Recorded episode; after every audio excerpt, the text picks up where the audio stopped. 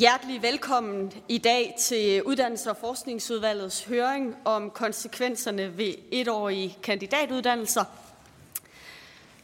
Hvis øh, I ikke ved det, så hedder jeg i hvert fald Katrine Ropsø, øh, og jeg er øh, uddannelses- og forskningsordfører for Radikale Venstre, og så er jeg også øh, formand for Folketingets Uddannelse- og Forskningsudvalg. Øh, og jeg vil derfor også lede os igennem øh, dagens høring. Og øh, vi mangler lige en enkelt oplægsholder, der gerne må komme herop. Øh. tak for det. Jeg vil rigtig gerne starte med at byde øh, særligt velkommen til alle dagens oplægsholdere, der nu også er kommet ind ad døren. Tusind, tusind tak, fordi I giver jer tiden til at komme her i dag og gøre os klogere.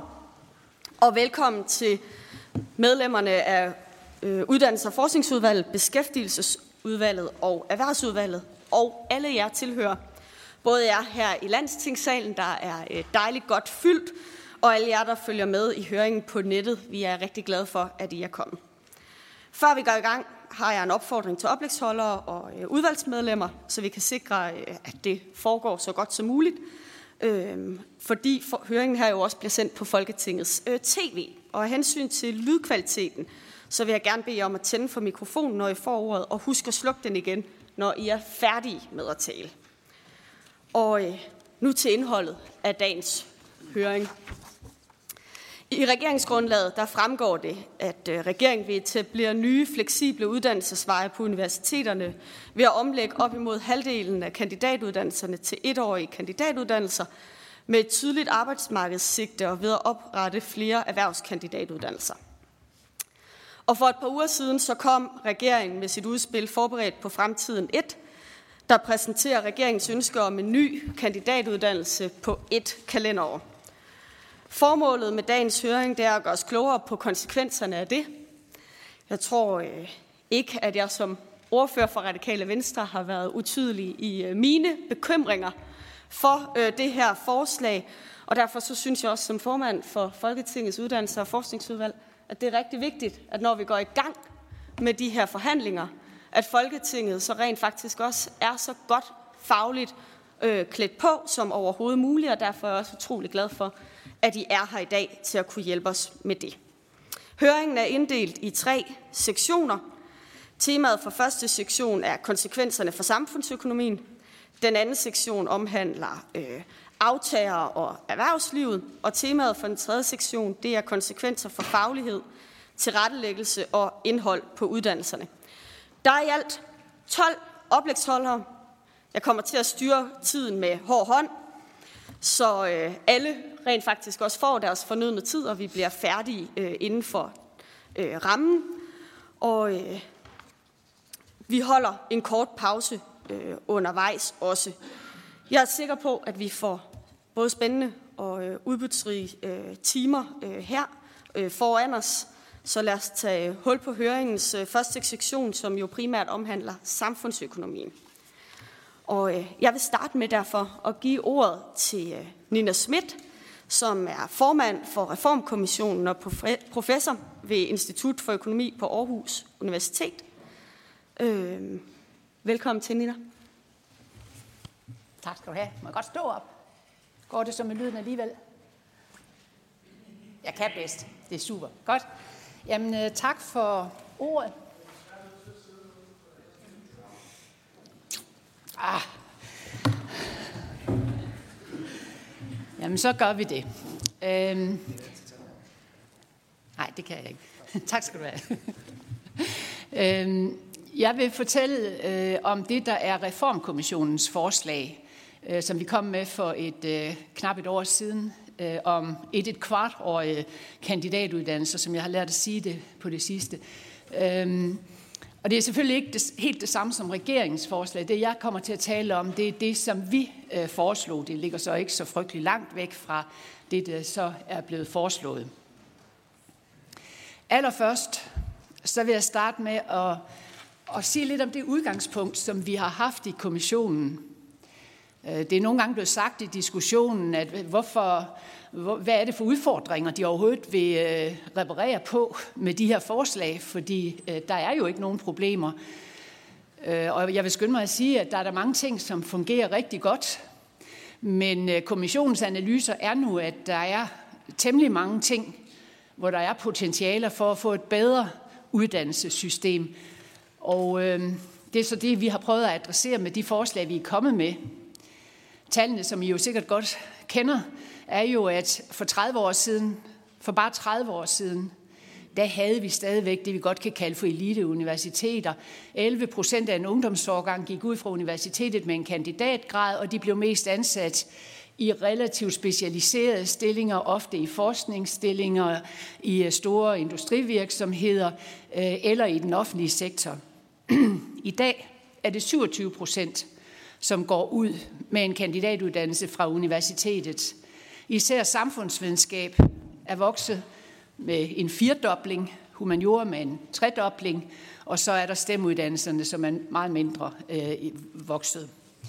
Hovedparten af dem, der kom ud for 30 år siden, blev altså ansat meget i forskningsstillinger og den offentlige sektor.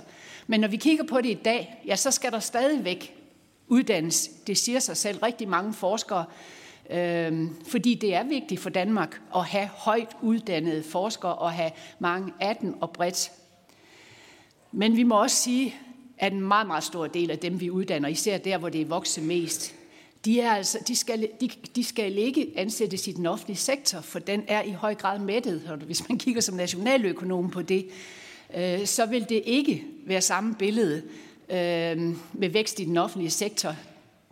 Det kan man næsten heller ikke håbe, vil jeg sige, øh, i forhold til, hvordan samfundsøkonomien så vil virke. De skal i høj grad finde plads i små og mellemstore virksomheder. Og det betyder, at vi har brug for nogle mere fleksible kandidatuddannelser, nogle flere typer af kandidatuddannelser. Det er sådan, i Danmark har vi et meget, vi har efterhånden fået et meget ufleksibelt system. Man har et system, hvor man går øh, fem år, først tre år på bachelor, og så to år på kandidat inden for samme område. Man skifter ikke ret tit mellem områder. Og vi har også mest fuldtidsstudier. Vi har ikke, vi har ikke formelle deltidsstudier. Og så mangler vi også forskningsbaseret videre efteruddannelse. Det mener jeg ikke, der er nogen tvivl om. Vi fylder virkelig meget af vores uddannelsesinvestering på i de unge øh, år, viser tallene.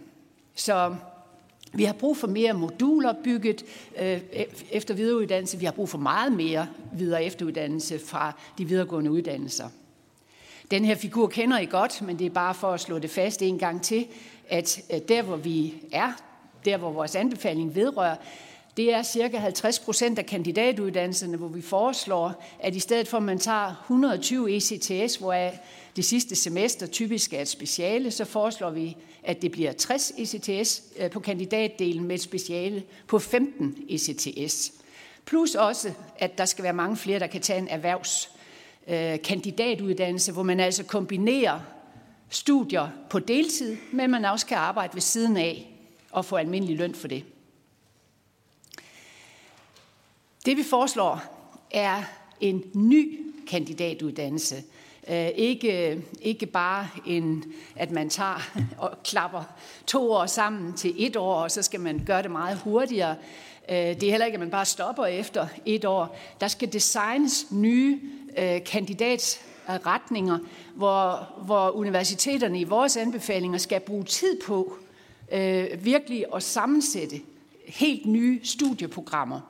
Enten studieprogrammer, hvor man for eksempel har en humanistisk specialiseret bachelor, og så kan man tage et meget bredere overbygning af andre humanistiske discipliner, eller man kan, hvis man er humanist, øh, for eksempel komme hen på CBS, hvor man har tilrettelagt et etårigt studium, hvor man lærer de væsentligste ting, øh, så man kan få job, øh, også som med økonomiske redskaber, for eksempel i små og mellemstore virksomheder. Man kan sige, at det ligner jo lidt gymnasiemodellen, hvor man altså har et hovedfag og et bifag, fordi gymnasierne havde ikke råd til at ansætte folk, der kun havde et fag, eller det var for ufleksibelt, så det er lidt samme tankegang. Og så skal der altså være større mulighed for at studere, og det skal universiteterne hjælpe til med øh, på deltid, måske med fjernundervisning eller aftenundervisning. Vi, øh, I vores anbefalinger foreslår vi, at det kræver et betydeligt taxameterløft, øh, mellem 30 til 50 procent, fordi kvaliteten skal være meget bedre. Og man skal også have ret til videre efteruddannelse. I vores forslag vil vi gerne gøre videre efteruddannelsen gratis på de videregående uddannelser, for vi mener, det er forkert, at vi har gratis kandidatuddannelser, men der er reelt en betalingsmur omkring alt videre efteruddannelse. Så er der de samfundsøkonomiske effekter. Jeg vil skynde mig at sige, de er usikre. Det er der slet ikke nogen tvivl om. Men det, der jo, altså det jeg er meget inspireret af, det er den nyere uddannelsesforskning, den nyere uddannelsesøkonomiske forskning, som i de sidste 20 år har ændret meget vores syn på, hvad uddannelse betyder.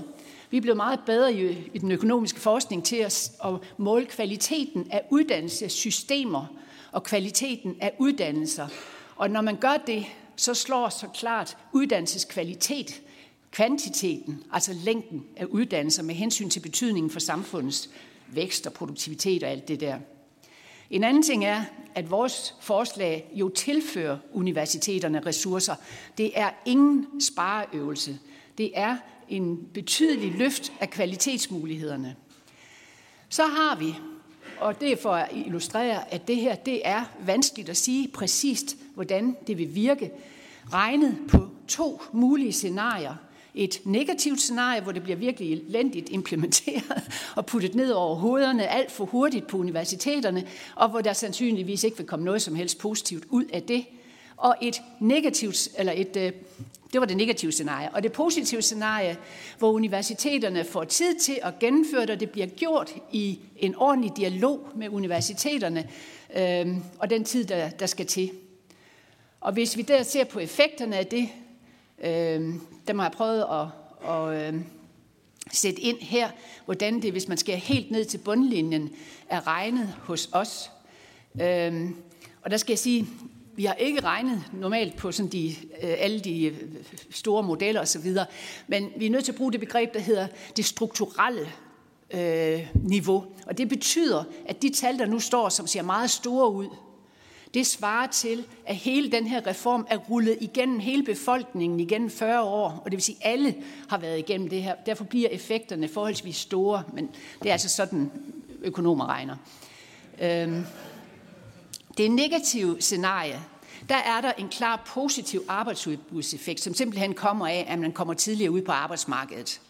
Og den har vi prissat, vurderet til at være, og den er ret mekanisk og også relativt sikker, 7 milliarder så er der selvfølgelig en negativ effekt af et trekvart års kortere uddannelse, isoleret set.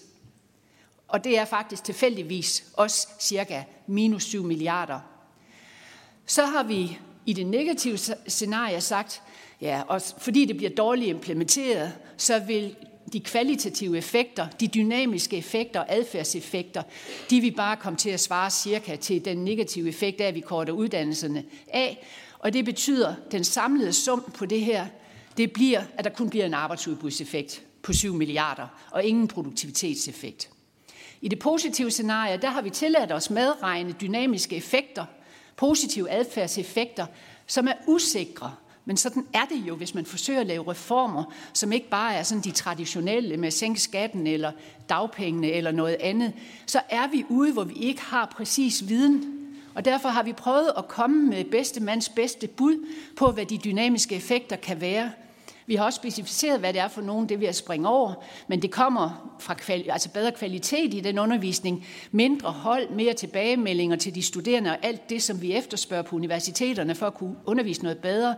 Bedre studievalg, de unge tænker bedre over de uddannelser, de vælger, mere, bedre effekt af videre efteruddannelse. Og der har vi, når det er fuldt indfaset, sat dem i det positive scenarie, og I kan se det, for det ligger på vores øh, hjemmeside, hvordan det er regnet, til 32 milliarder, sådan at der er et potentielt positiv mulighed på, på en produktivitetsstigning på 25 milliarder, plus den der arbejdsudbudseffekt. Så det er vores beregninger. Vi vurderer, at der er klart en positiv effekt, men selvfølgelig er effekterne usikre. Tak for ordet. Tusind tak for det, Nina.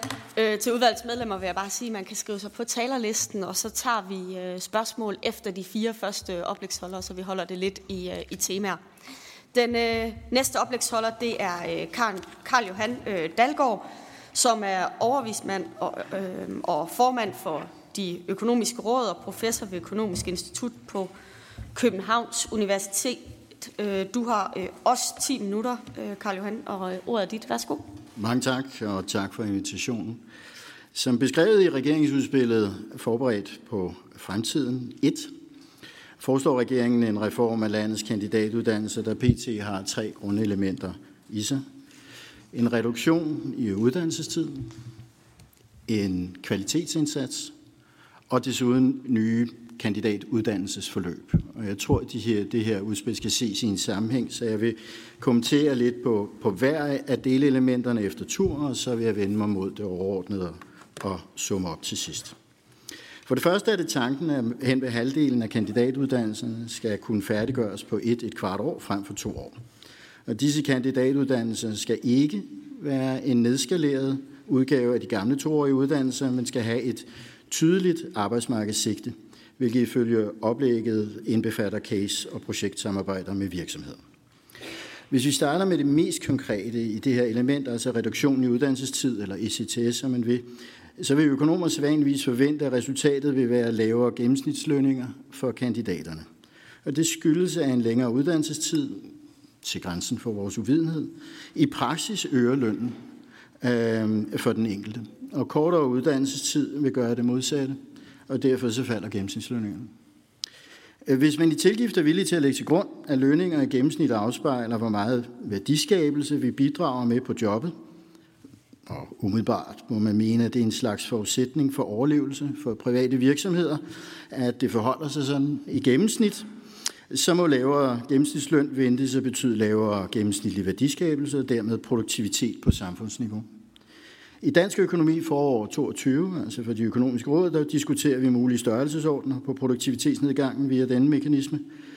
Det er temmelig usikkert, som Nina også var inde på, men, i gennems- men, men en permanent årlig reduktion i en, en nedgang i, til melodien af et tocifret milliardbeløb kan ikke afvises, om en nedgang også kan vise sig at være mindre end det. Det bringer os til øh, relance,ringsaspektet, altså det med, at de nye uddannelser skal have et såkaldt tydeligt arbejdsmarkedssigte. Hvordan det skal ske, skal til synligheden afklares på et senere tidspunkt i dialog med universiteterne. Øh, vil det virke? I udgangspunktet kunne man måske godt tænke sig, at uddannelsernes nuværende udformning er et resultat af de tilskyndelser, universiteterne står overfor. For eksempel, hvordan de konkret aflønnes, når de studerende dimitterer. I så fald er det tilskyndelsernes karakter, der må forventes at være underliggende grund til, at uddannelserne i dag åbenbart har et utydeligt arbejdsmarkedssigte. I det lys kan det måske overraske en smule, at forslaget til synlæderne ikke påtænker at ændre på universiteternes tilskyndelser. Ideen er muligvis, at hvis man blot siger til universiteterne, at de skal lave nye uddannelser, nu med erhvervssigte, så sker det. Og det er muligt, at det faktisk vil være resultatet. Men der foreligger vel sagtens også den mulighed, at udkomme ikke forandres, hvis tilskyndelserne er uforandret. Altså bortset fra, at uddannelserne fremadrettet skal godt gøre, at man lever op til nye krav, Altså, sagt med andre ord, der kommer helt sikkert flere cases ind i undervisningen, hvis det er krav, men det var vel sagtens ikke flere cases, der i sig selv var målet med studieomlægningen. Det skal gerne medgives af en forudsætning for, at man kan ændre tilskyndelserne, øh, som institutionerne står overfor. Det kræver stor klarhed i, hvad målsætningen er helt konkret. Altså, hvad er det helt konkret, der menes med tydelig arbejdsmarkedssigte? Er det øget beskæftigelse? Er det i den private sektor? Er det i den offentlige sektor? Er det øget lønniveau? Eller noget helt femte? Det andet element i forslaget består i, at penge, der formelt spares fra offentlig side ved at reducere uddannelsens længde, tænkes kanaliseret tilbage til universiteterne med det formål at styrke kvaliteten af uddannelserne i forhold til i dag. Konkret handler det om flere timer, mindre, øh, mindre hold og mere vejledning. Hvad mener økonomer i grunden Øh, med ordet uddannelseskvalitet? Noget ret konkret, og måske også for nogen øh, noget ret snævert. Så udkommen vi fokuserer på igen løn og dermed afluret produktivitet, om I vil. For eksempel er det i praksis sådan, at tilsyneladende ens individer med identiske uddannelser og uddannelseslængde, om end fra forskellige uddannelsessteder, ikke opbærer den samme løn. Det lader sig eksempelvis dokumentere immigranter fra forskellige lande med ens uddannelsesmæssig baggrund og ens erhvervserfaring, der arbejder på det samme arbejdsmarked, for eksempel det amerikanske, modtager forskellige løn som belønning for deres indsats. Et, en simpel forklaring kan være, at selvom de er udstyret med den samme uddannelseskvantitet, der har uddannelserne forskellig kvalitet. I nogle lande er uddannelsessystemet bare lidt bedre, kan man sige. Det kan man selvfølgelig ikke uden videre konkludere på det nævnte grundlag.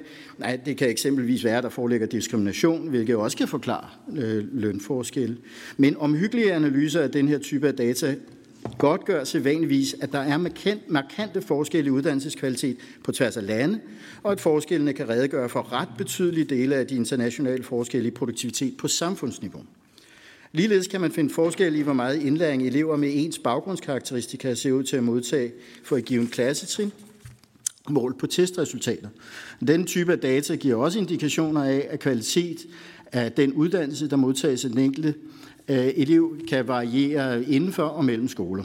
Da vi i vores efterårsrapport fra 22 undersøgte det såkaldte lærerbidrag til folkeskoleelevernes indlæring, bestod analysen i at godtgøre, at forskelle af den her karakter er til dels bunder i bidraget for den lærer, eleverne møder på deres vej.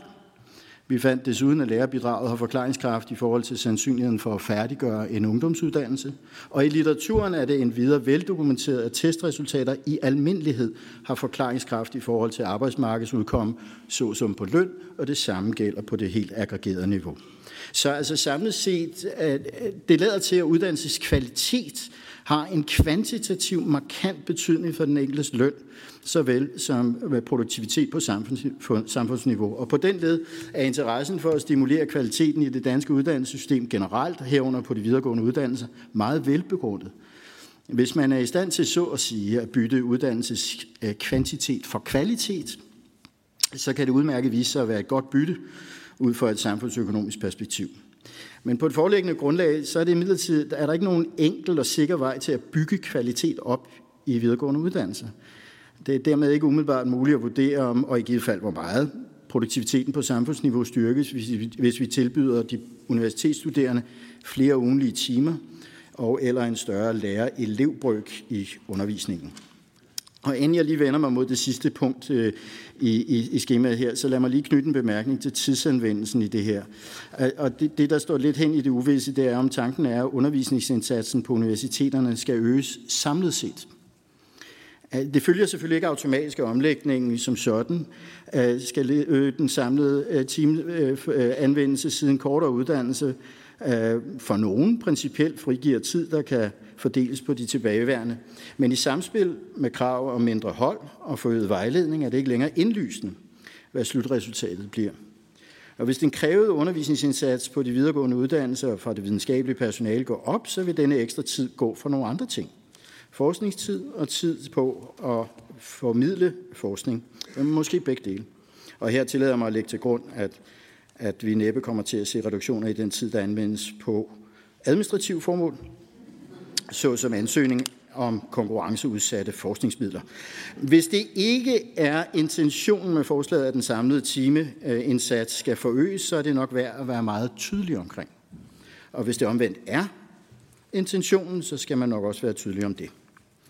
Det tredje og sidste øh, element, jeg vil tangere, det består så i hensigten om at skabe mere, hvad skal vi sige, bedre muligheder for senere i livet at vende tilbage til universitetet. Øh, tiltaget taler til målsætning om såkaldt livslang læring. Jeg skal gerne erkende, at det står mig ikke fuldstændig lysende klart, hvornår vi befandt os i en verden, hvor livslang læring ikke var nødvendig. Hvis jeg insisterede på udelukkende at anvende den viden, jeg havde tilegnet mig på kandidatstudiet tilbage i 1990'erne, så var jeg formentlig blevet fyret på nuværende tidspunkt. Og jeg forestiller mig, at øh, den tingens tilstand også gør sig gældende inden for andre fagområder. Livslang læring har for mig at se været grundvilkår, så længe jeg kan huske, hvilket vel også skal ses i lyset af det fleksible danske arbejdsmarked, hvor der er stor jobmobilitet internationalt set. Så hensynet til livslang læring i det foreliggende reformpakke må have afsæt i en mere dramatisk analyse af fremtiden, hvor man som kandidat må vente og skulle se frem til at skifte felt øh, inden for arbejdslivet, øh, er om. Altså blive fra at være økonom til at være jurist. Det er klart, det er en, en anden verden, og, og det vil kræve nogle særlige indsatser. Men det kunne være værd at få beskrevet lidt mere detaljeret, hvad denne her prognose for fremtiden egentlig baserer sig på. Hvorom alting er, så forekommer der mig da også her på det her punkt, vil være behov for at tænke tilskyndelser, hvis tilbagevenden til skolebænken efter år på arbejdsmarkedet skal ske, mens man er i beskæftigelse. Hvordan incentiverer vi erhvervslivet til at give slip på ens medarbejdere, mens hun skifter felt? Det er formodentlig ikke nok i sig selv, at undervisningen kan tilbydes om aftenen og i weekenden, som det antydes i forberedt på fremtiden 1. Hvis omskolingen omvendt ikke forekommer, mens vi er mens sideløbende, mens vi er beskæftigelse, hvordan incentiverer vi den uddannelsesparate, der måske har en familie i den livsfase? Hvad er i øvrigt konsekvenserne for de offentlige øh, ressourcetræk, hvis universitetsansatte skal undervise i weekenden? Står ressourcetrækket mål med samfundsgevinsterne? Lad mig prøve at opsummere. Hvis det lykkes at løfte kvaliteten på de videregående uddannelser i den snævre økonomfaglige forstand af ordet, så vil det potentielt kunne løfte produktiviteten også på samfundsniveau. Det er, det er, en, det er, en, der, der er muligt, at nettovirkningen på produktiviteten kan vise sig positiv, selv når vi tager højde for, at der sandsynligvis vil være en negativ produktivitetsvirkning af reduceret arbejdstid. Øh, men den nøgterne vurdering må være, at den samlede virkning af tiltaget på samfundsproduktiviteten er uklar. Det er i den forstand af ordet øh, et øh, eksperiment. Der må ventes, det, tiltaget må ventes i anledning til en mekanisk arbejdsudbudseffekt, når man reducerer uddannelsestiden. Derved skabes der mere indtægter for staten, som potentielt kan prioriteres på andre områder.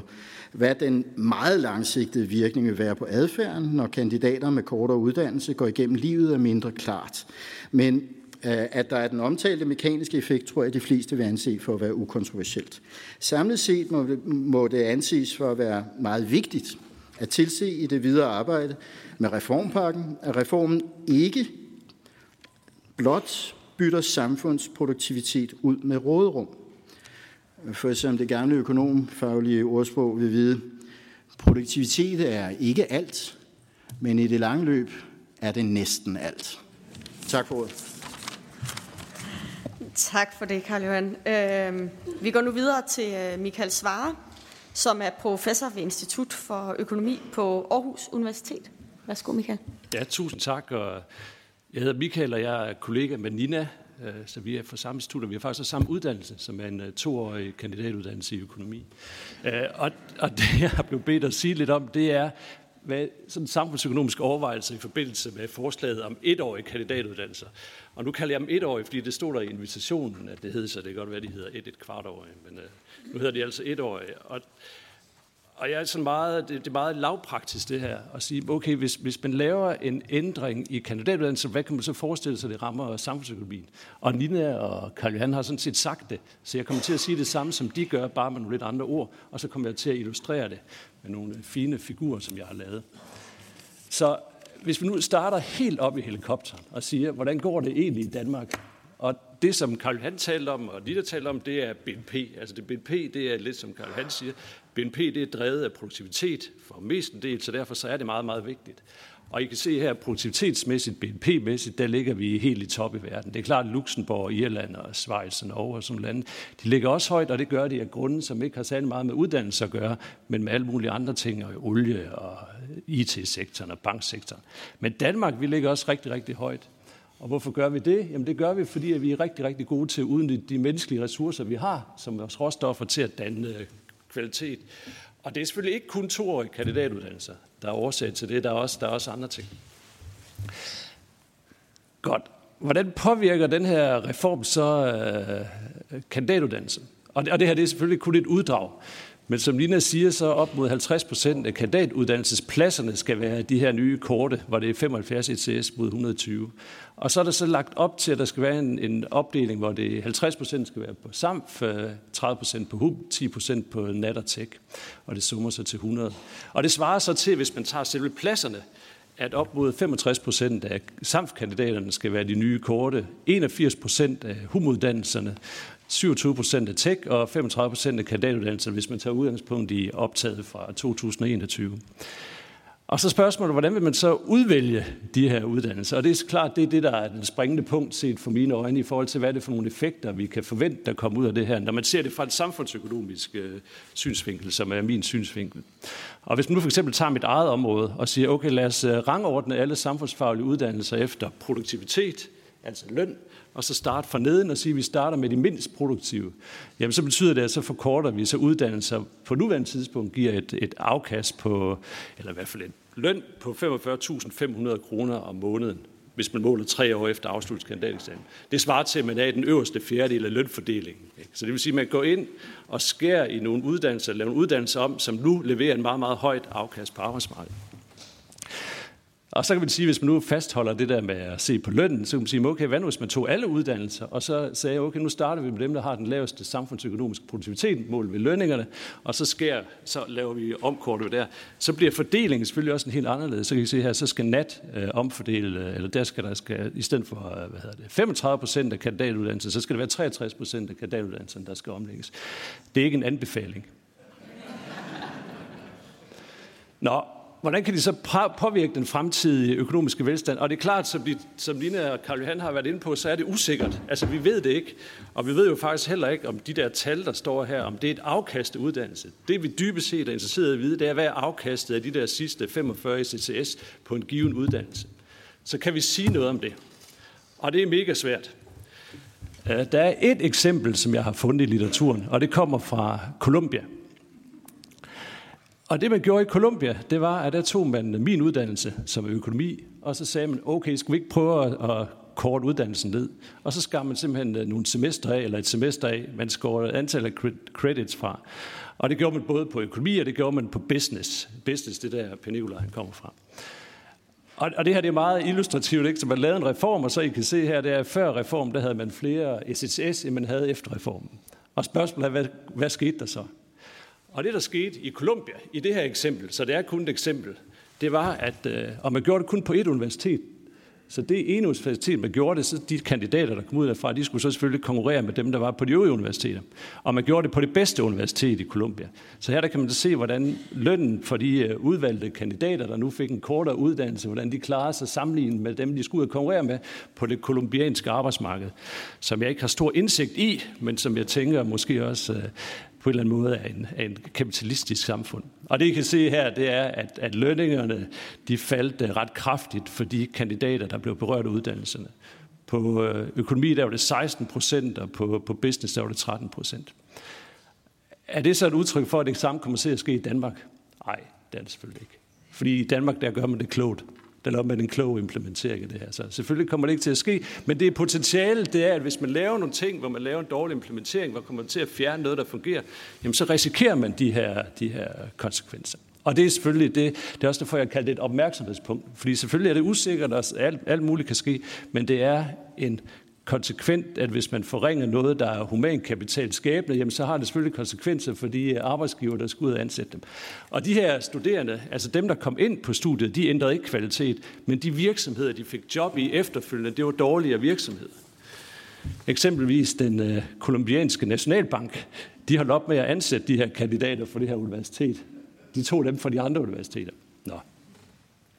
Godt. Så det vil sige, her der tog man, det er et eksempel fra Columbia. Hvis man så kobler det med den litteratur, som, som Lina og Karl Johan også har refereret til, jamen så er det klart, at hvis man, hvis man forkorter længden, hvis man påvirker kvaliteten, jamen så påvirker det selvfølgelig også øh, produktiviteten på arbejdsmarkedet, og dermed også øh, den forventede fremtidige velstand. Og så spørgsmålet er, hvad er den samlede effekt af de her øvelser? Og det, øh, der har Finansministeriet slået ud varmen og sagt, at det, det kan vi ikke sige noget om, det er uklart. Øh, og det er jo sådan set fint nok, og det kommer så til at afhænge af den konkrete implementering, så derfor så bliver implementering super vigtigt her. Og det kommer jeg tilbage til. Og Finansministeriets øh, vurdering den er konsistent med, at der er elementer, der har en forventet negativ effekt, altså reduktionen i CTS, og så er der elementer, der, der potentielt kan trække den anden vej. Altså hvis man nu øh, får øget erhvervserfaring, jamen, så får man akkumuleret noget viden, mens man er i job, ligesom Karl Johan har gjort, og så, så har man faktisk, øh, kan man forbedre sin produktivitet igennem livet. Men venter man skifter det der ekstra, mindre studieår til et ekstra sabbatår, men øh, det må tiden vise. Godt. Hvem kommer så ind på de her nye korte kandidatuddannelser? Og det her det er igen et, et opmærksomhedspunkt. Man kan sige, det man interesserer sig for inden for økonomi, det er dels, hvor stor er kagen, og hvordan bliver den fordelt. Ikke? Så, så størrelse og fordeling er vigtigt. Og størrelse har jeg lige talt om, hvad der kan ske, hvis man, hvis man gør det usmart. Og så spørgsmålet, hvordan, hvad betyder det med fordelingen her? Og der har vi øh, prøvet at kigge på det i, ved at tage udgangspunkt i, øh, i, i de nuværende sammensætning af studerende, så siger okay, hvis man laver de her ændringer, 50 procent af uddannelsespladserne bliver et år, hvem kommer så ind på de uddannelser? Og det er klart, det kræver nogle forudsætninger for at kunne lave sådan en analyse. Så hvis øh, vi nu øh, siger, at det ikke lykkes at skabe samme kvalitet af uddannelse på de korte uddannelser, hvilket man kan være bekymret for, hvis man er på en uddannelse, der er toårig, så kan det udover at have de her velstandseffekter også have fordelingseffekter. Og det er selvfølgelig, hvis der bliver rift om de toårige uddannelser, og der skabes et opdagelsessystem, der belønner faglig styrke, hvilket vi har i dag. Altså, der, du bliver valgt ind til studierne afhængig af, hvad er din, din karakter fra gymnasiet, eller hvor det nu er, der er adgangsgivende øh, hvad hedder det, eksamen for at komme ind på uddannelse. Jamen, så vil det være de fagligt svageste, der kommer ind på de nye type uddannelser, hvis præmissen er opfyldt. Hvem er det? Jamen det vil i overvejende grad, eller i overvejende grad være børn af faglærte og ufaglærte. De kommer ofte med et fagligt svært udgangspunkt, når de starter på universitetet. Og det vil sige, dermed så kan børn af faglærte og ufaglærte komme til at bære den største risiko ved reformen. Og reformen kan derfor komme til at hæmme den sociale mobilitet og fastholde den sociale arv. Igen, det er overhovedet ikke nogen garanti for, at det her kommer til at ske, men det er et opmærksomhedspunkt, når man laver noget om, så derfor så er det vigtigt at have fokus på implementeringen. Og vi har prøvet at lave en, øh, en figur her, der illustrerer det, hvis man tager udgangspunkt i, øh, i optaget fra 17 til 21, og siger, okay, hvor, øh, hvad er sandsynligheden for, at du skal ind på en af de kortere uddannelser, og den er så, hvis dine forældre har en grundskole som det højeste, så er det 60 procent, og lidt over 50 procent, hvis, hvis dine forældre har en, en gymnasie- eller erhvervsfaglig uddannelse. Og den falder så også, hvis dine forældre har en lang videregående uddannelse, som med mine børn, jamen så er der selvfølgelig mindre sandsynlighed for, at de havner ind på den der uddannelse. Så hvis jeg skal afrunde her, øh, så er det, at vi kommer fra et rigtig, rigtig godt udgangspunkt. Vi har et uddannelsessystem, som leverer nogle af de aller, aller mest produktive, den mest produktive arbejdsstyrke i verden, og det er selvfølgelig fedt nok. Så er der den her mulighed, som, øh, som øh, der er blevet lanceret af regeringen og af Nina, og det er, at man kan have det her nye, kortere kandidatformat. Og det er klart, det kan jo sagtens være en velfærdsforbedrende tilbud. Så hvis man har nogle uddannelser, man tænker, at det her det er helt genialt for mig, så lad os da gøre det. Så er det da en super god idé. Det er da velfærdsforbedrende. Og der kan man jo godt forestille sig en eller anden bottom-up-tilgang, hvor der sidder nogen rundt omkring og siger, hey, den der, den vil jeg gerne have. Det kan faktisk give et bedre uddannelsesforløb ved mig, og nu har jeg muligheden for at få den uddannelse. Så, så det, vil, det er sådan set fint, og det vil være i, øh, i sådan økonomlingo være velfærdsforbedrende. Det kan også være på den anden side, der er nogle unge, der tænker, hey fedt, nu kan jeg få en kortere kandidatuddannelse. Det er faktisk det, jeg vil have, fordi jeg vil hellere ud på arbejdsmarkedet i en fart, og så kan jeg så lidt en bedre egnet kandidatuddannelse efter reformen. Det er også velfærdsforbedrende. Okay, så vi har sådan set noget, der er potentielt er velfærdsforbedrende. Og det, der så er øvelsen, det er selvfølgelig at sikre, at den, øh, det velfærdspotentiale det bliver indfriet, uden at man på den anden side ødelægger noget økonomisk velstand. Så det vil sige, for uddannelse, hvor det nye format ikke forbedrer kvaliteten, så er der en risiko for, at omlægningen medfører lavere økonomisk velstand, som jeg har sagt. Der er også mulighed for, at det øger den sociale skævhed i uddannelsessystemet, og så derfor så står vi tilbage til det, som Nina hun også konkluderede i første øh, indlæg, det var, at implementeringen her det bliver afgørende. Tak for det. Vi skynder os videre til øh, sidste oplægsholder i den første sektion. Det er Per Nikolaj øh, Buk, som er professor i økonomistyring ved Aalborg Universitet, og som vil holde oplæg om flere uddannelse, øh, kan uddannes kortere og bedre. Værsgo. Tak for det, og tak for invitationen. Jeg kan også starte med at bekende, ligesom Michael, at jeg også har en toårig kandidatuddannelse, og i øvrigt også den samme uddannelse som Michael og Nina, for det ikke skal være løgn. Men til forskel fra dem, så er jeg, øh, jeg er driftsøkonom, det vil sige, at jeg er ikke nationaløkonom. Så selvom jeg hører med i den her del af arrangementet med de samfundsøkonomiske effekter, øh, og muligheder, så taler jeg lidt mere med afsæt i, om det overhovedet kan lade sig gøre at uddanne nogen kortere og, øh, og måske bedre samtidig. Det er jo sådan den, den dobbelte gevinst, hvis det er muligt nogle steder. Lidt har også ret, som man siger. Jeg skal prøve at gøre det relativt kort og præcist, og, øh, og også konkret, så vi måske endda kan vinde et par, øh, et par minutter. Øh, når jeg er inviteret her, og, og, og, og mit tilgang er det jo, at ja, det kan lade sig gøre i et, et vist omfang, og jeg vil også med det samme for god ordens skyld, inden, inden man øh, tror alt muligt, sige, at, at jeg er da også voldsomt bekymret for det, der hedder implementeringsdelen her. Altså en god idé kan jo mislykke voldsomt, og, øh, og der er masser af faldgrupper omkring det her. Jeg vil adressere et, øh, et par af dem, sådan når jeg tænker lidt ud af boksen og siger, hvad, hvad tror jeg er særlig vigtigt? Øh, og, øh, og det er jo for det første noget at gøre med, med de frihedsgrader, vi får på universiteterne, kan jeg med det samme sige. Altså, øh, hvis det bliver alt for bundet op på, hvad vi skal på en eller anden måde gøre det, og nogle ting må vi ikke gøre, jamen, så reducerer vi jo, øh, vi, vi jo mulighedsrummet på en uansigtsmæssig måde.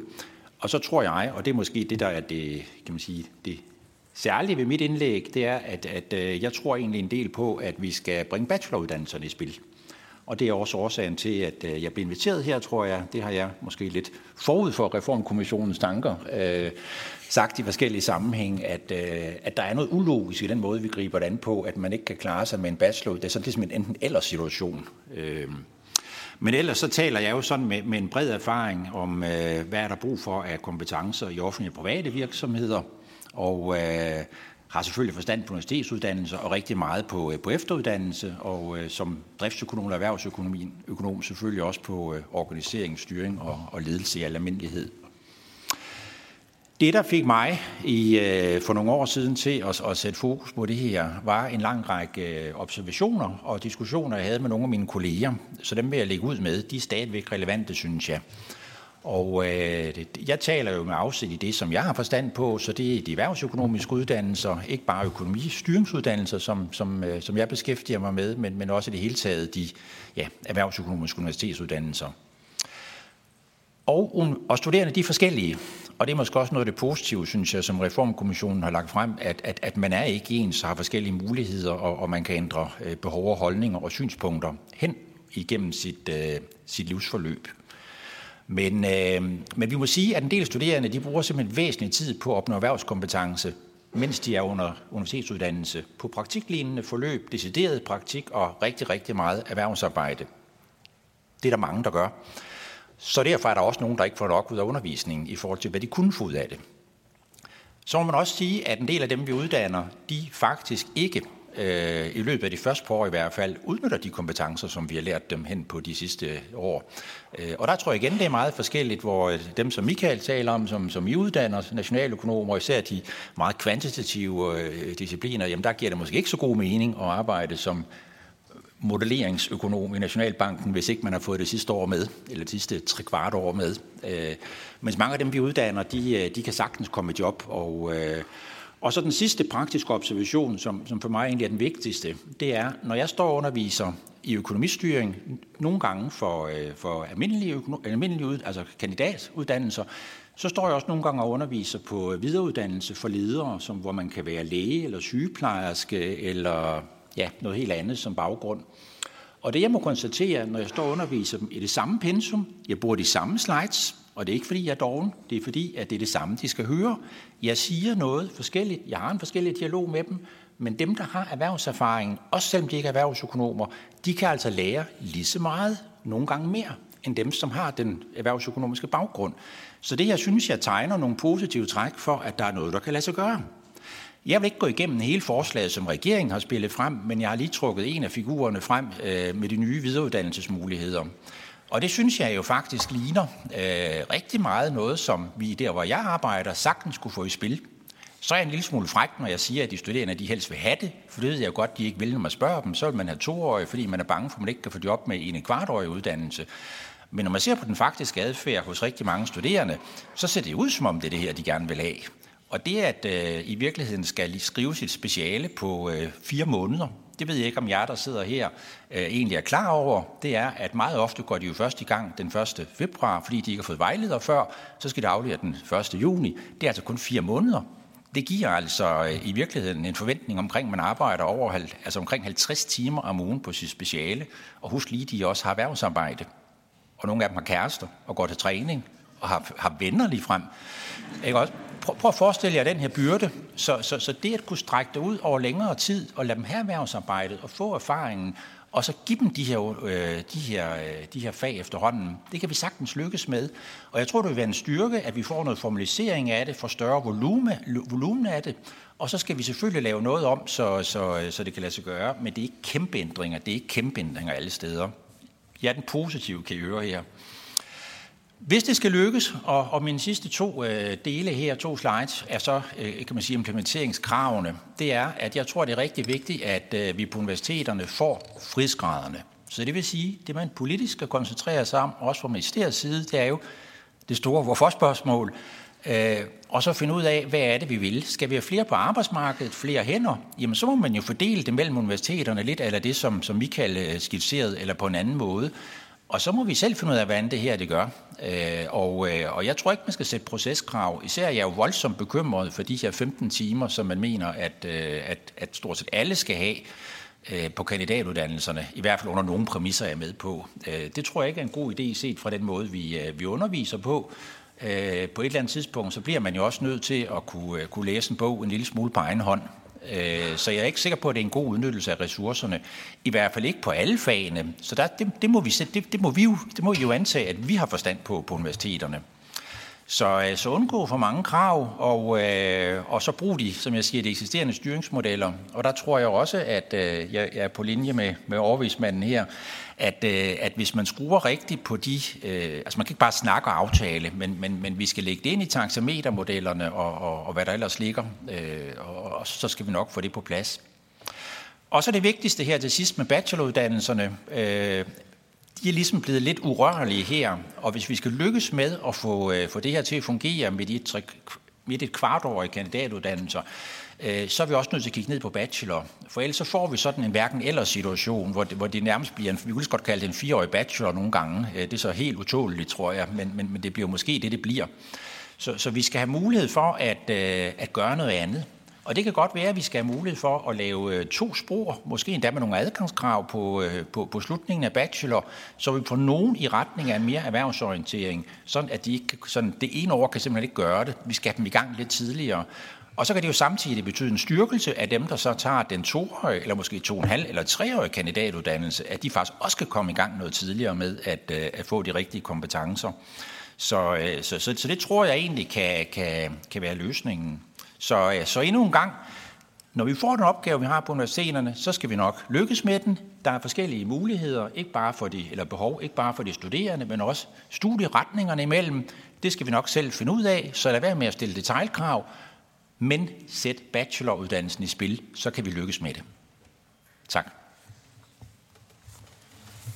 Tusind tak for det. Vi har nu ja, 17 minutter til øh, spørgsmål, og, øh, og jeg har allerede nogen på øh, spørgelisten. Og øh, Victoria Valesk, hvis, jeg tænker, vi tager en øh, tre spørgsmål øh, af gangen, øh, og hvis øh, de gode oplægsholdere her så kan, kan skrive ned undervejs, øh, så vil det være øh, fremragende. Victoria Velasquez fra Enhedslisten først.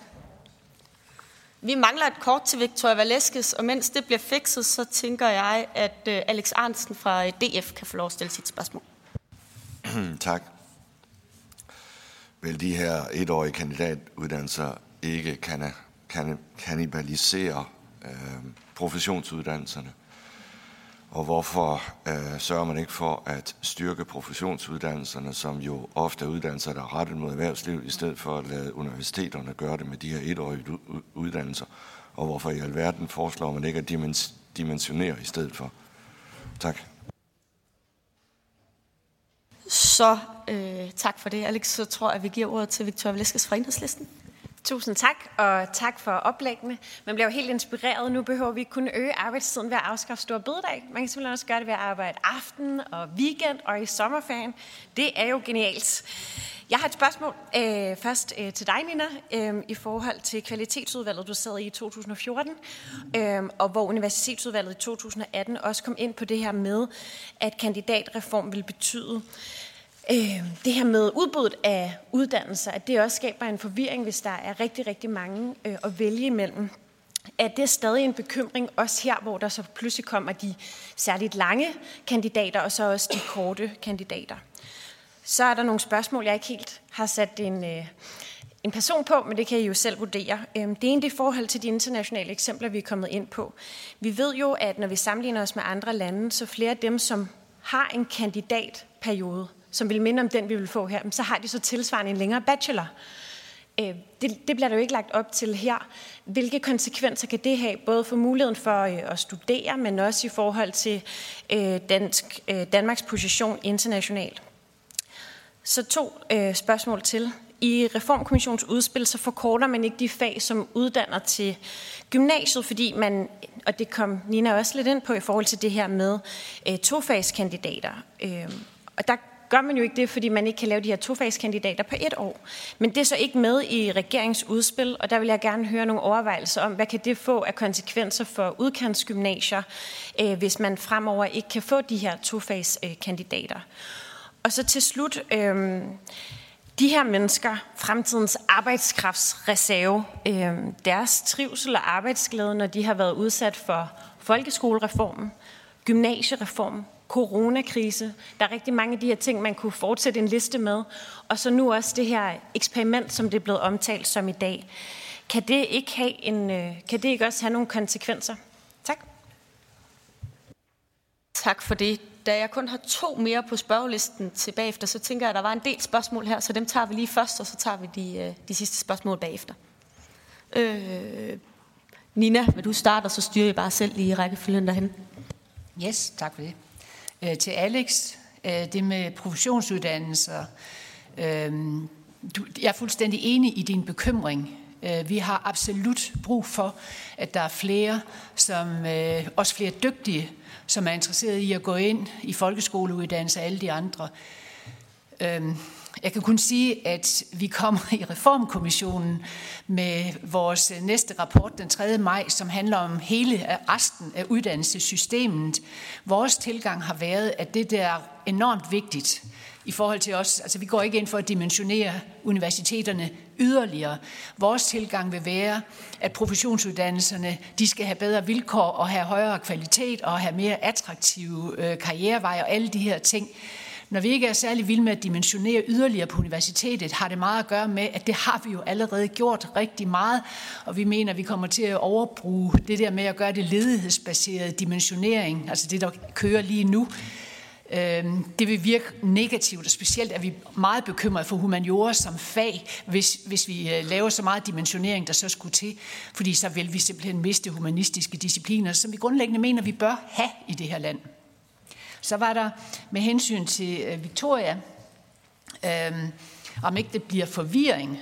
Altså det vi i kvalitetsudvalget, som jeg var med til for mange år siden, også universitetsudvalget, var meget bekymret om, det var alle de forskellige navne og typer af øh, øh kombinationer af uddannelser. Jeg mener ikke, det her det overhovedet behøver at bidrage til nogen som helst forvirring, fordi og det er sådan set også til det eksempel, Michael kom. Vi har meget, kom med, vi er meget bevidste om, at vi ikke mener, at vi vil anbefale, at det kun er en lille del, der skal omlægges til, toårige, eller til etårige kandidater. For hvis vi gør det, så vil, de blive, altså, så vil de blive en meget sværere gruppe. Det vigtige er, at vi kommer til at tænke kandidater som kandidater, og det betyder, at det skal være mange, der bliver omlagt, så det bliver den almindelige kandidatuddannelse, og at der bare kan være variation. Og det er altså ikke anderledes, det vi reelt foreslår, end de systemer, man har i Sverige, Holland, England, USA osv., altså hvor man har betydeligt mere fleksibilitet.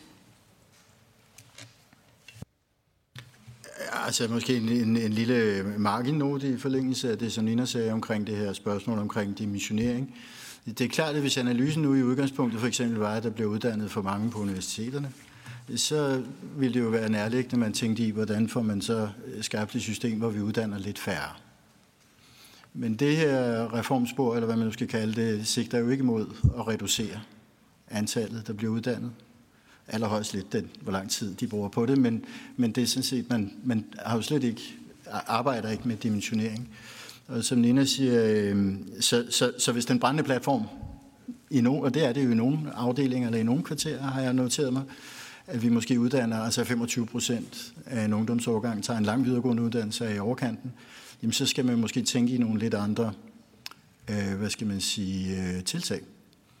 Og det behøver ikke at være den mekaniske dimensionering, som man har forfulgt indtil videre. Det er sådan set i realiteten ikke nødvendigvis en særlig hensigtsmæssig måde at nedbringe antallet af studerende på. Det starter med, at man forklarer sig selv, hvad man gerne vil have, at universiteterne skal foretage sig.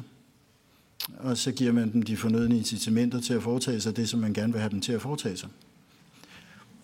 Det kunne for eksempel betyde at sige, at alle uddannelser, der øh, altså, det lavpraktiske er jo, at lakmusprøven på, om man har været en god forælder, er jo ikke, at man selv kan lide sine børn det er, at andre mennesker kan lide ens børn. Og ud fra den devise, så kan man sige, at det her tilfælde handler jo lidt om, det, sådan, at arbejdsmarkedet har lyst til at bruge dem til et eller andet. og betale dem gerne en løn. Og det kunne man jo så med, måske starte med at sige, at det er det, vi evaluerer jeres indsats på, og stå takster og sådan noget, det afspejler den slags hensyn så vil, tror jeg, at Nina vil indvinde, at hvis man forfølger den type af strategi, specielt hvis man gør det overdrevet nedkær, og jeg havde ikke forestillet mig, at det skulle være overdrevet, men det er klart, at selv hvis man ikke gør det overdrevet nedkær, så risikerer man altså, at man laver beskærer nogle uddannelsesområder ret markant. Og det tror jeg, at man skal være ærlig omkring, at svaret er ja. Det vil man gøre, men det er en konsekvens, så at den målsætning, man jo altså har lagt til grund, man siger, det vi vil have, at uddannelserne skal gøre, det er noget, der har et tydeligt erhvervssigte, lad os sige i det her tilfælde, levere kandidater, der får en høj løn og som bliver meget beskæftiget. Og vi, ellers så, så kan vi ikke bruge jeres indsats til noget. Og sagt i al stilfærdighed, hvis man, som det her nuværende forslag jo i realiteten gør, går ud og siger til uddannelser, det er jo ikke rigtig afklaret hvem endnu, men, men vi kan jo sikkert alle sammen tænke på nogen, der kunne falde os ind, hvor man vil gå ud og sige, kære venner, det kan ikke fortsætte på den her måde. I er ikke erhvervsrettet nok. Nu skal jeg lave tingene om. I kan ikke lave det der og undervise, som I har. Så har man de facto nedlagt delvist en uddannelse. Alligevel. Man har bare gjort det command and control, og ikke via tilskyndelser. At der, som økonom, og det, jeg er jo som på mange måder i den henseende måske sådan lidt en, en mørkemand, men jeg tror sådan set lidt på, at folk reagerer på incitamenter, og incitamenter virker bedre end tvang i længden. Skal de selv? Til dit spørgsmål omkring BR-længde, jeg tror også, det er det, som Nina siger til sidst. Altså, der er jo, hvis man kigger ud i verden, så er der jo 100.000 konfigurationer af uddannelsessystemer, ikke? Og, det, og vi kan ikke sige noget særligt præcist om, om det for, altså, hvordan de enkelte systemer, eller jeg kan i hvert fald ikke. Så det er hele tiden det der med at sige, okay, vi har et eksisterende system, det fungerer til sydlandet ret godt, i hvert fald når vi måler på det, og spørgsmålet er, når vi laver det om, kan vi så sige noget om de konsekvenser, der og, og sagen er bare, at det er mega svært. Så altså det, jeg tror ikke, der er noget, noget ret præcist svar på det, du spørger om. Hvis jeg lige knytter en, en kommentar tilbage til den bekymring, du har med professionsuddannelserne, øh, for den har jeg egentlig også, og den er jo todelt, fordi der er jo både kan man sige, det vi kalder velfærdsprofessionsuddannelserne, skolelærer, pædagog osv., som du adresserer, Nina. Så er der de andre professionsuddannelser, hvor der simpelthen også er professionsbacheloruddannelsen, altså dem, der, der ligner lidt mere, ikke også? Bliver, bliver de kanibaliseret, bliver de ramt, og det er der også sådan set en, en, en risiko for. Men det handler meget omkring implementeringen og hvordan vi griber det fra universitets side af. Fordi i øjeblikket må man jo også sige, at, øh, og nu taler jeg jo ikke for alle universiteter, men, men jeg synes egentlig, vi er pinligt ikke dygtige til at samarbejde med professionshøjskolerne omkring vores uddannelser. Der er meget større potentiale, og øh, det bliver der åbnet for nu, fordi nogle af de her moduler og forskellige øh, efteruddannelsestilbud, vi giver, vil jo også blive åbnet for dem, som har de almindelige øh, bacheloruddannelser på professionshøjskolerne. Og øh, det synes jeg, der er potentiale i. Og øh, hvis man kommer fra et sådan ret entreprenant universitet, som jeg gør, så vil vi jo sikkert gribe den og straks gå i strategisk samarbejde med en eller flere professionshøjskoler, sådan at, at øh, de kan se en styrkelse af deres kandidater ved, at vi åbner nogle linjer for dem, og vi kan se en styrkelse af vores optag den vej. Og hvis ikke det er nok, så må vi jo gøre det med incitamenterne, og så skrue lidt på dem. Og det kunne så for eksempel betyde, at man gør ståindtægterne tilsvarende højere for dem, som har en bachelor fra en professionshøjskole. Så skal vi nok spille med. Tak for det. Øh, jeg har fire spørgere tilbage på nu, og øh, Sofie Libert, jeg selv, Karin Liltop og Frederik Vad på, men øh, så gerne øh, korte spørgsmål, hvis man overhovedet kan. Sofie? Jeg skal prøve. Øhm, tusind tak for nogle rigtig spændende oplæg. Øh, en af de ting, jeg hæfter mig ved, det er sådan, øh, Nina Smits indledning omkring, hvad er det for nogle problemer, vi prøver at løse. Og en af de ting, der bliver peget på, det er, at vi er gået fra at 11 procent i 90'erne gik på universitetet, til at det er 27 procent i dag. En af årsagerne til, at der er så mange flere, der går på universitetet, det er jo, at CBS har fået øh, universitetskarakter land på højskolen, tandlægeuddannelsen, farmaceutuddannelsen og biblioteksskolen, er alt sammen blevet lagt ind øh, og er universitetsuddannelser i dag, og var det ikke i 90'erne. Er det noget, I, I tager med jeres øh, beregninger? At vi altså har et skift i os, hvad er det for nogle uddannelser, der ligger på universiteterne. Det er ikke fordi, jeg betvivler, at vi har et skift. Det er også noget, jeg er meget optaget af, hvad vi gør ved, og vi snakker også dimensionering, den vil jeg ikke gå ned af igen. Men jeg synes, det er interessant, om, om noget af det skyldes, at man i nullerne øh, gik lidt amok med Bologna-kriterierne og, øh, og lavede rigtig mange uddannelser til en 3 plus 2-model. Øh, og så et helt andet spørgsmål, som jeg synes var interessant i tråd med Michael Svares pointer omkring øh, Øh, den sociale ulighed, der må opstå i det. Er der nogen af jer, der øh, har et bud på, eller har kigget på den kønnede ulighed, der måske kan opstå i det her, hvis det er især humaniora, vi, øh, vi skærer på? Øh, fordi vi, kan jo, vi ved, at der er flere kvinder på humaniora end, end på stemuddannelserne for eksempel. Og ender vi måske med faktisk at puste til for eksempel et løngab under en antagelse af, at, at øh, der trods alt vil være en lønforskel på, om man har en fireårig eller en femårig uddannelse. Tak for det. Så er det øh, mig selv, øh, der lige har et spørgsmål. Jeg forsøger at leve op til at gøre det kort. Spørgsmålet retter sig nok mest til øh, Nina Schmidt, og det er i forhold til øh, reformkommissionens forslag og så kontra regeringens forslag og de midler, der er afsat til efter videreuddannelse. Hvor stor en betydning har det for beregningerne i forhold til øh, produktivitetsgevinster eller eventuelt produktivitetstab, at der reelt er adgang i reformkommissionens til gratis efter videreuddannelse. Øhm, det havde radikale jo selv med som et forslag øh, i valgkampen, at vi faktisk jo var en del af reformkommissionens forslag, vi gerne øh, ville, øh, men det, det er der jo ikke lagt op til i regeringens øh, forslag, og derfor kunne jeg godt tænke mig at høre, hvor stor en betydning det rent faktisk har for, øh, for jeres beregninger i forhold til samfundsøkonomien. Den stod nemlig under jeres, øh, din penetrator øh, som, øh, som en af tingene. Og så er det øh, Karin Liltorp fra Moderaterne. Tak for det, og tusind tak for nogle øh, spændende pointer. Jeg har skriblet løs, fordi at, øh, vi, vi skal selvfølgelig have det hele med. Øh, jeg elsker jo de her økonomiske antagelser. Jeg har ikke specielt stor indsigt i økonomi på den måde. Men noget af det, jeg synes ville være interessant at høre, det er, altså inden for nogle områder er det jo lykkes at lave nogle øh, uddannelser, der er kortere. Nu tænker jeg på diplom og civilingeniør.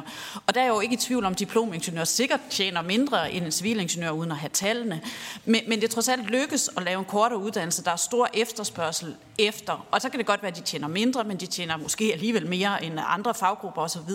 Er det helt utænkeligt, sådan nogle beregninger, at forestille sig, at nogle kortere uddannelser kunne være så populære, at de faktisk ender på et, et højere øh, lønniveau? Øh, bliver sådan noget taget med i betragtninger, når man sidder og overvejer økonomien? Og Frederik Vad fra Socialdemokratiet til sidst.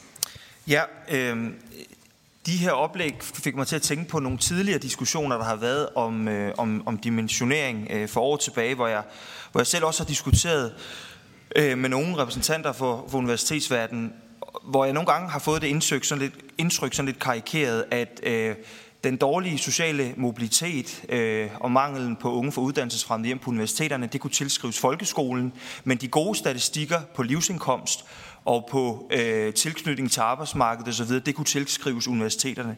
Og jeg kunne godt tænke mig, fordi nu var I inde at tale om det her med, at kortere uddannelser kunne give øh, lavere øh, indkomster, det vil sige lavere produktivitet osv. Øh, men hvad, altså, hvad ved vi noget om, hvad det egentlig er, der bærer de her gode statistikker? Altså sagt på en anden måde, er der ikke en stor gruppe af de her mennesker, der læser kommunikation og samfundsvidenskab og alt muligt, som altid vil finde sig en vej? Hvis de tog en erhvervsuddannelse, vil de også finde sig en vej til et godt, godt job med en god løn. Altså, hvor meget af det her hænger sammen med, at man har gået på en femårig kandidatuddannelse? Tak for det. Øh, så øh, jer, der øh, føler, I har noget at bidrage med i svar, eller har fået direkte spørgsmål, må gerne svare kort. Nina? Ja, til Sofie. Altså jeg er fuldstændig sikker på, at de tal, vi kommer med, med de 11 procent og de 27 procent, der har vi indregnet handelshøjskoler og alle de andre, også som universiteter, hvad de også var i 1991. Så det er ikke den effekt, øh, som du omtaler. Så er der det med, med kønsbalancen. Det synes jeg er et virkelig vigtigt spørgsmål. Øh, og jeg har også fået en hel del gange allerede, for det ville jo være en katastrofe, hvis vi lavede noget, som endte med at øh, øge kønsskævhederne på det danske samfund, som er store nok i forvejen. Øh, jeg vil argumentere modsat. Altså igen, vi kan jo ikke vide det, men det kan jo sagtens tænkes, at det, der sker, det er, at hvis mange flere øh, kvinder, som har en stor øh, interesse for blandt andet de humanistiske fag, faktisk får nogle universitetsuddannelser, som gør, at de får meget lettere ved at få fodfæste i erhvervslivet og få job, i stedet for, at man er meget uddannet til en offentlig sektor og til nogle positioner, hvor der bare ikke er ret mange jobs, så kunne det sagtens tænkes, at det ville give kvinder meget bedre vilkår i fremtiden. Det er faktisk min egen ærlige vurdering af den sag. Øh, så er der Katrine og det med videre efteruddannelse. Jamen, du har helt ret i, at vores, og det er også det, jeg mener er det rigtige, det var at gøre videre efteruddannelse generelt øh, gratis, øh, eller i hvert fald meget mere billig for alle, øh, fordi vi gerne vil have det. Og det er et skørt system lige nu, men nu er det jo regeringen, der, altså politikerne, der bestemmer, så det er det. Vi har ikke regnet ret stor effekt ind, så det betyder ikke så meget i selve beregningseffekterne, og det kan du se i publikationen, hvor meget vi har regnet med ind for videre efteruddannelse. Så var det Karin med diplomingeniører. Jeg synes, diplomingeniørerne er et super godt eksempel. I virkeligheden er ingeniørerne jo sådan set omlagt, kan man sige, i den forstand, at de har fireårige mere generelle uddannelser, som fungerer super godt. Og så er der de mere forskningsspecialiserede, universitetsbaserede ingeniøruddannelser. Og jeg er helt enig med dig i perspektivet det var også det, jeg sagde med kvinderne og de øh, fireårige, at det kan sagtens ende med at være nogle meget mere øh, trin ind på arbejdsmarkedet. Det er jo det, der er meningen. Og så til Frederik. Du har sådan set en temmelig god pointe. Øh, det vi vil komme til at, at komme med i næste rapport, fra, når vi har resten af uddannelsessystemet, det er jo en ret stor vægt på, at den sociale arv og alt det, der sker i forhold til mønsterbryderen, den starter sådan set allerede nede som de toårige i vuggestuerne, øh, hvor forskellen begynder at blive meget tydelig, og så bliver det endnu tydeligere op igennem folkeskolen. Så du har jo fuldstændig ret i, man kan godt spørge, hvor meget her betyder universiteterne så. Tak.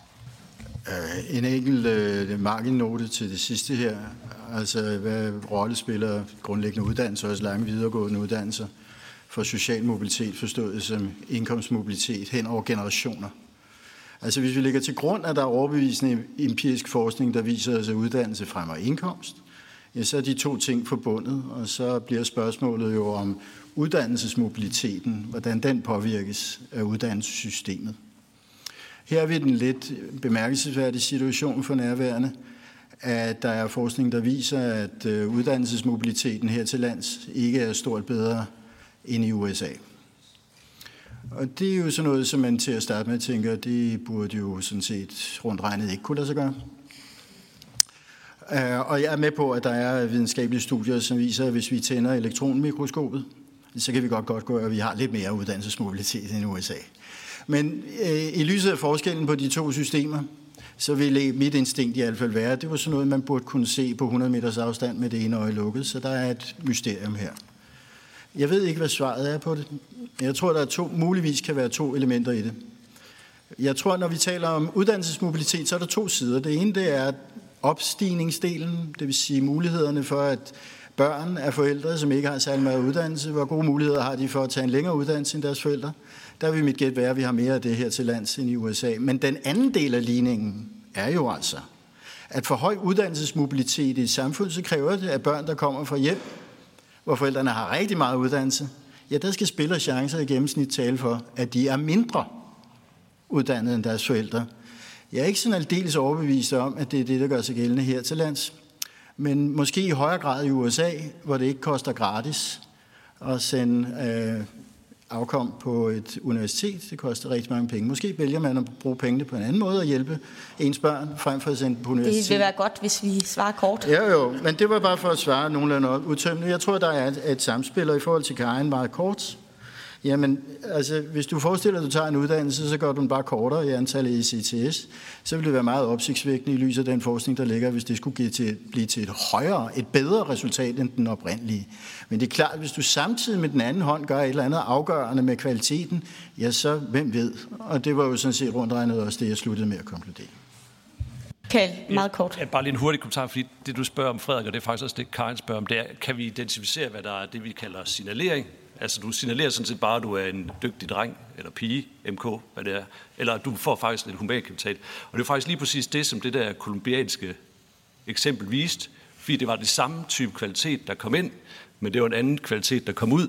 Så i hvert fald forfatterne i det, de konkluderede, at der var faktisk en humankapital forbedrende effekt af hvad hedder det, uddannelse. Men, men det, er, det er jo det store punkt, og det er det, som sådan Karl Johan-typer, de bryder deres hoved med, fra de står op til de går i seng. Hvordan identificerer man de der ting? En sidste ting, apropos fordeling det er, at man kunne også godt forestille sig, at dem, der havde brug for den lidt længere tid, det var dem, der faktisk ikke kom ind med de super gode kvalifikationer. Altså, det tager noget tid. Jeg ved det, fordi jeg er en af dem.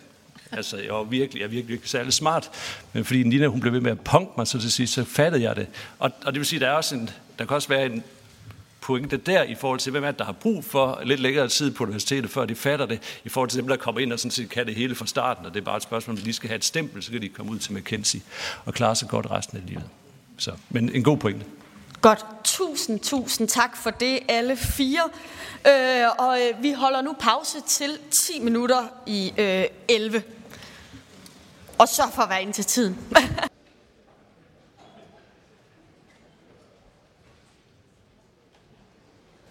er vi klar?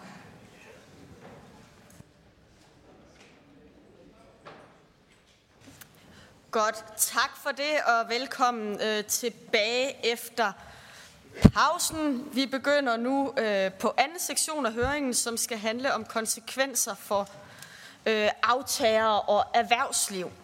Og den første oplægsholder, det er øh, Sara Vergo, som er formand for Djøf. Og øh, Sara, du har 5 minutter, og vi bliver meget øh, nazi med tiden her. Så øh, men ordet er dit. Værsgo. Tak. Helt grundlæggende så undrer jeg mig over, hvad det er for et problem, regeringen gerne vil løse med den her øvelse. I Djøf der har vi øh, forsøgt at få svar på det spørgsmål, siden man begyndte at tale om at forkorte kandidatuddannelserne. For hverken erhvervsliv eller de offentlige arbejdsgiver efterspørger kortere uddannet. Vores kandidater bliver støvsuget af arbejdsmarkedet, og ledigheden er rekordlav. Og så er kvaliteten af de færdiguddannede kandidater i fare med den her øvelse. De vil simpelthen kunne mindre. I Djøf har vi gennem hele forløbet haft tæt dialog med netop det arbejdsmarked, som regeringen siger, man vil hjælpe med mere målrettede kandidater. Og det har vi især på det område. Vi repræsenterer netop det samfundsvidenskabelige og erhvervsøkonomiske område, som er et af dem, som regeringen synes at mene især har brug for at blive forkortet.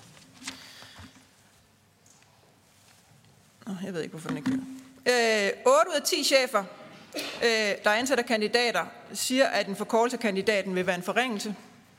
7 ud af 10 svarer, at de vil foretrække toårige kandidater frem for etårige, hvis de selv kan vælge. Og når vi taler med de virksomheder, som især ansætter vores kandidater, for eksempel de store konsulenthuse og revisionsfirmaer, så er svaret det samme. De er glade for de kandidater, de får i dag, og de frygter for kvaliteten af de færdiguddannede, hvis uddannelsen forkortes. For konsekvenserne for aftagerne og for erhvervslivet er, at de får kandidater, som har nået færre fag, og derfor må forventes at komme ud med mindre grundfaglighed. Der vil være ting, de kan i dag, som de ikke kan fremover, at de får kandidater, som har kortere tid til fordybelse, forberedelse, gruppearbejde og dermed også mindre tid til at tilegne sig stoffet. At de får kandidater, som har haft mindre tid til erhvervsrettede elementer, som for eksempel case competitions, praktik, projekt og opgaveskrivning i samarbejde med virksomheder, og også de studierelevante jobs, som jo giver de studerende den erhvervserfaring, de har brug for allerede, mens de læser, og som i parentes bemærket jo er den direkte vej ud i arbejde bagefter. Der vil, hvis reformen gennemføres i højere grad, blive, blive op til virksomhederne selv at uddanne de nye kandidater. Og vi taler altså, altså om kandidater, som jo arbejder i konsulentvirksomheder, revisionshuse, SMV'er, centraladministration og kommuner i hele landet, og de arbejder med komplekse problemstillinger og store mængder data. De er analytikere og problemknuser, og de formidler det komplekse stof og omsætter det til handlingsplaner, rådgivning, lovgivning, vækst, effektivisering og meget mere. Måske endda også politik. Politikerne taler meget om mere erhvervsrettede uddannelser. Men erhvervsretning er jo ikke en modsætning til akademisk grundfaglighed. Det er faktisk kun få universitetsuddannelser, der uddanner til en specifik profession.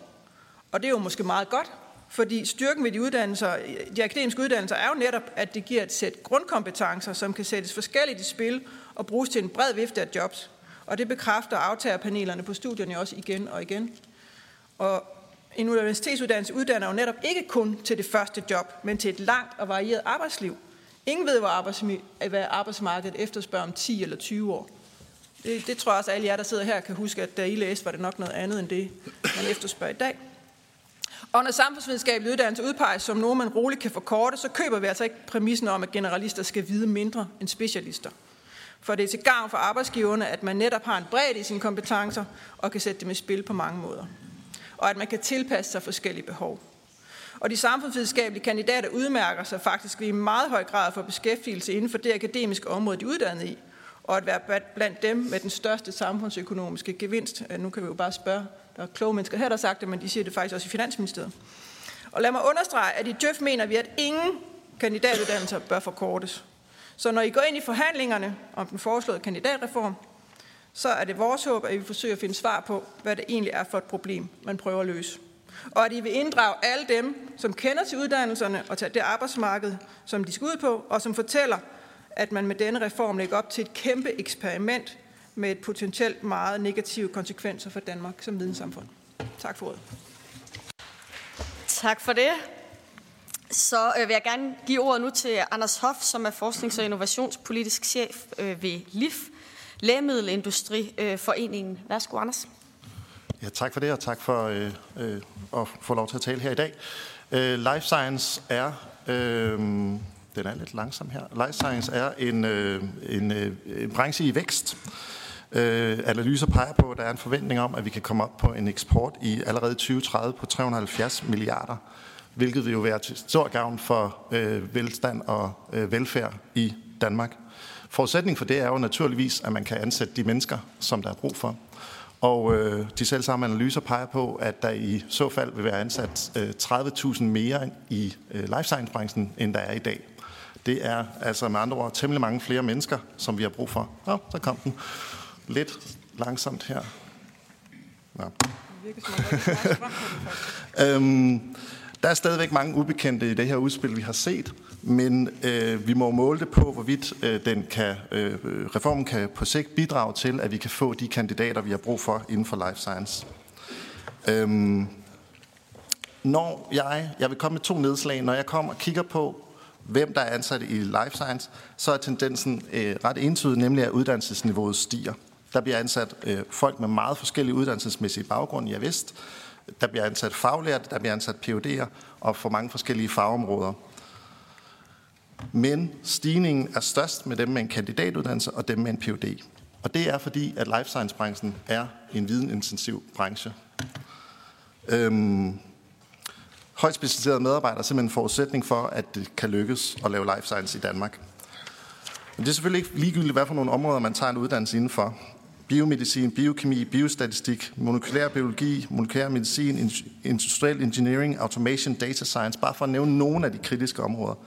Det er primært inden for nogle tekniske, sundhedsfaglige og nogle naturvidenskabelige stemområder, om I vil, at det er helt afgørende, at man har den her specialisering. Her er der ikke brug for mindre uddannelse, men snarere længere og mere uddannelse. Måske endda en forskeruddannelse, en PhD. Og det blev jo også anerkendt ved fremlæggelsen af reformen af ministeren. På andre områder så må, øh, eller vil virksomhederne måske godt kunne arbejde med det, at kandidaterne kommer med en kortere uddannelse. Men vi er, når vi ser ned over det, og vi ser på, hvor der er behov for specialiseret arbejde, øh, medarbejdere, bekymret for, hvor mange uddannelser man lægger op til at gøre kortere. En anden ting er, at der i det her udspil, og det har vi også hørt tidligere, jo ikke ligger op til nogen form for prioritering af, hvor vi uddanner hen imod. Øhm, vi, der er allerede steder, hvor vi mangler. Vi har hørt meget om velfærdsuddannelser i debatten, sygeplejersker osv. Der er der brug for, at der er flere, der tager en uddannelse. Det gælder også for life science-området. I dag der laver vi en tilpasning af uddannelserne med at kigge på historiske data, men vi har også brug for at se fremad og opprioritere de områder, hvor der er en mangel, og de områder, hvor vi kommer til at mangle folk i fremtiden. Og her ser vi gerne en uddannelsesmæssig prioritering fra faglært til PhD rettet mod ja, øh, life science. Sådan som man har set det i andre lande, som for eksempel øh, Irland og Sydkorea, Frankrig for at nævne nogen. Og også at man understøtter muligheden for at kunne rekruttere talent internationalt. For jeg vil gerne understrege, at vi støtter sådan set det formål, der grundlæggende ligger i reformen om at uddanne til et arbejdsmarked. For vi har brug for gode idéer, kloge mennesker, dygtige hænder og hoveder.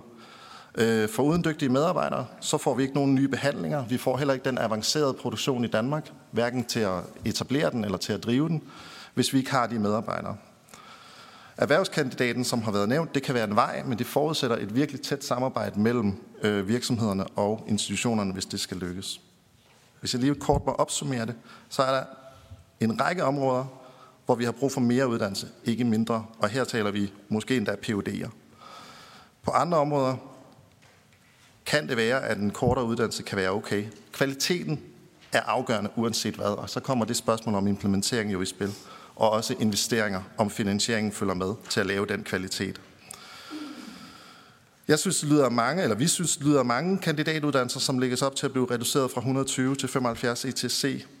Men det er nødvendigt med et større fokus på sammenhæng mellem arbejdsmarkedets behov og uddannelsesindsatsen.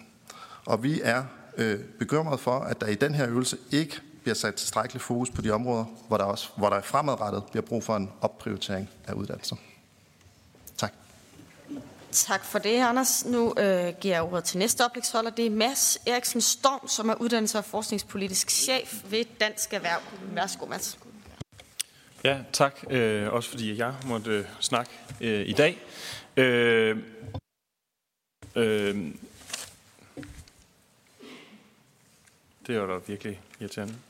Øhm, øh, om hvad det er. Man sige, hvad er målet med det hele, er måske øh, der, øh, vi skulle starte. Og øh, der kan man sige, at... Øh, oh, den var godt nok irriterende. ja, øh, det er jo selvfølgelig højst, øh, øh, altså uddannelse af højst international kvalitet, øh, og øh, hvis vi tager den næste, og i tilstrækkeligt antal. Øh, og hvis vi så tager den næste. Øh, Øh, og det har vi så prøvet at kigge lidt på, det der med det tilstrækkelige antal. Og hvis vi så kigger på de forskellige øh, hovedområder, øh, så øh, er det sådan, at øh, Uddannelses- og Forskningsministeriet siger, at hvis der er øh, 2 procentpoint overledighed, øh, så er det kritisk. Øh, det er i det her tilfælde øh, de lyserøde. Øh, og vi tog så den frihed at prøve at kigge den anden vej, og så sige, hvor er der ekstraordinært god beskæftigelse. Og der er de lysegrønne, det er 2 procentpoint ekstra god beskæftigelse, og de mørkerøde og de mørkegrønne, det er så der, hvor der enten er altså kritisk øh, øh ledighed, altså det uddannelse med kritisk ledighed, det betyder ikke 75 procent af humanisterne går ledige, men at 75 procent af dem, der tager en humanistisk uddannelse, går på en, der har kritisk ledighed. Omvendt så kan vi se, at øh, vi inden for, for sundhed øh, har øh, øh 75 procent, der går på uddannelser, hvor det er øh, svært at rekruttere arbejdskraft. Øh, og det samme gælder faktisk en tredjedel af samfundsvidenskab, hvor uddannelserne er så, øh, at der, der faktisk er svært at rekruttere økonomer. Det er hele CBS-området. Øh, det er jurister, øh, som der slet ikke øh, er øh, tilstrækkelige øh, mængder af i dag. Øh, og der skal man selvfølgelig også beværke, at samfundsvidenskab er suverænt det største hovedområde. Det er de tal, der er øh, ude i, i siden. Tag den, øh, tag den næste. Et er, om øh, man får et job. Noget andet er, om det job, man får, det også kræver en akademisk uddannelse. Øh, og der har vi øh, prøvet at kigge på at sige, hvis man tager en lang videregående uddannelse, hvor mange får så job øh, med en løn svarende til en kort videregående uddannelse. Det er ikke ens betydende med, at man øh, arbejder under niveau, men det er en indikation på, at man arbejder under niveau. Øh, og det gælder så en, en fjerdedel af humanisterne, men kun 4% af de øh, tekniske kandidater. Tag den næste. Øh, jeg sad selv i, øh, i den forrige, forrige regerings universitetsudvalg, hvor vi prøvede at kigge på, er det en god investering at have kandidatuddannelser. Det har vi også hørt en del om, men den her slide har så ikke været med. Det vi kiggede på i den forbindelse, det er, hvad er afkastet af at tage en uddannelse versus at være ufaglært? Og der kan man sige, at hvis man tager en faglært uddannelse, så er det godt og vel øh, 2 millioner kroner, man giver tilbage til samfundet over et arbejdsliv, mens det i gennemsnit for en øh, universitetskandidat er 4 millioner. Det er øh, klart stort for, for sundhed, og så igen, samfundsvidenskab har et meget, meget højt samfundsafkast og klarer sig rigtig godt. Anderledes ser det ud for humaniora og øh, naturvidenskab, som i øvrigt også har øh, ret store øh, ledelsesudfordringer, som vi måske ikke taler så meget om. Så tag den næste. Øh, prøv bare at køre alle dem der igennem, fordi nok de er kommet ind på en anden måde. Grundlæggende går vi jo konstruktivt ind i alle reformer, der øger arbejdsudbuddet. Øh, det vi også vurderer i den her sammenhæng, det er, at uddannelse er en af grundstenene i den måde og årsagen til, at vi er blevet så rigt et samfund, som vi er. Og derfor så skal vi fare med lempe, og vores vurdering er, ligesom fra livsside, 50 procent er for højt. Det er helt afgørende, at kvaliteten skal i centrum, når vi arbejder med det her. Øh, vi er også parat til at forkorte nogle uddannelser, eller flytte dem, for det er jo rigtigt, at en diplomingeniør er en meget succesfuld uddannelse, men en diplomingeniør er jo ikke en forkortet civilingeniøruddannelse. En diplomingeniør, det er en særligt tilrettelagt øh, forlænget bacheloruddannelse, og derfor skal vi måske også i den her sammenhæng se på, er der nogle nye uddannelsesformer, vi kan tænke, hvor vi tænker det fra indgangen. Det er jo også en måde at øge arbejdsudbuddet og i virkeligheden forkorte uddannelseslængden. Øh, fokus i reformen, det skal, vi er selvfølgelig også klar til at dimensionere og lukke nogle af de uddannelser med for høj ledighed. Vi øh, mener, at fokus i reformen skal være at knytte uddannelserne tættere på erhvervslivet. Det er også nogle af de ting, vi hører. Og vi er rigtig glade for ideen om erhvervskandidater. Øh, men også, at hvis vi forkorter uddannelsen, så er det vigtigt, at der stadig bliver plads til studiejob praktik. Det er noget af det, der giver hurtig overgang til arbejdslivet. Og så er vi bare igen virkelig opfordrer til, at vi klarer det her i grundig dialog, og vi tænker os godt om, øh, og vi bliver inddraget både også universiteterne i det her arbejde. Tak for det, Mads. Øh, vi går nu videre til øh, Christian øh, Jensby, som er CEO for Deloitte øh, Danmark. Velkommen til. Jo tak, og jeg er på vej ind i rollen, skal jeg skynde mig at sige, så overtager for vores nuværende her 1. juni, bare for at præcisere det. Øhm, jeg har færre slides med. Jeg er ellers konsulent sådan i det daglige, og der kan vi rigtig godt lide at bruge, øh, bruge slides, men, øh, men jeg har ikke nogen med i dag, så, så jeg får ikke øh, problemer med, øh, med teknikken. Det er, det er jeg glad for. Øh, denne her sal, den danner en utrolig smuk ramme om en debat, som den vi har her i dag, og den får mig faktisk til at tænke 100 år tilbage, fordi for 100 år siden, der startede min farfar i folkeskolen. Han gik i skole i syv år, og han gik i skole hver anden dag. Det betyder, at øh, han havde øh, tre et halvt års uddannelse, dengang han var færdig med det forløb, og han fik en, øh, en, en fin erhvervskarriere og blev erhvervsleder. Dengang der var det tilstrækkeligt øh, til at kunne øh, blive en succes i erhvervslivet. Det ser anderledes ud i, øh, i dag. Der uddanner vi cirka fem gange så lang tid, som vi gjorde for 100 år siden. Og det er jo selvfølgelig så et spørgsmål om, om det er for meget, eller om det er, om det er for lidt. Men nu skal jeg prøve at give jer lidt et perspektiv på, øh, hvordan tingene ser ud, set sådan igennem erhvervslivets øjne, i hvert fald gennem sådan et firma som, som det, jeg arbejder i, nemlig øh, Deloitte. I dag er vi jo et videnssamfund. Vi arbejder med data, vi arbejder med kunstig intelligens, vi arbejder med cybersikkerhed på måder, som vi ikke havde forestillet os, at vi ville gøre for 100 år siden.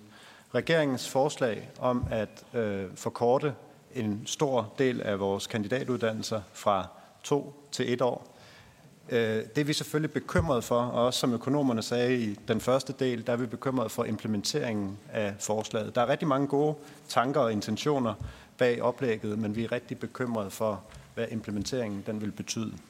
Hvis vi kigger på vores virksomhed, vi ansætter 400-500 nyuddannede kandidater hvert år, og hvis vi så forstørrer det lidt op, kan man sige, øh, til de virksomheder, som minder om virksomhed som, øh, som Deloitte, altså de virksomheder, der beskæftiger sig med revision, med rådgivning, med IT-konsulentassistance, jamen så bliver det tal måske op imod 5.000 cirka. Og det vil sige, at det er altså mere end 20 procent af samtlige kandidater, der bliver uddannet på de danske universiteter i dag. Derfor så er det rigtig, rigtig vigtigt for os, at vi opretholder den høje standard, øh, som vi faktisk oplever, der er i dag.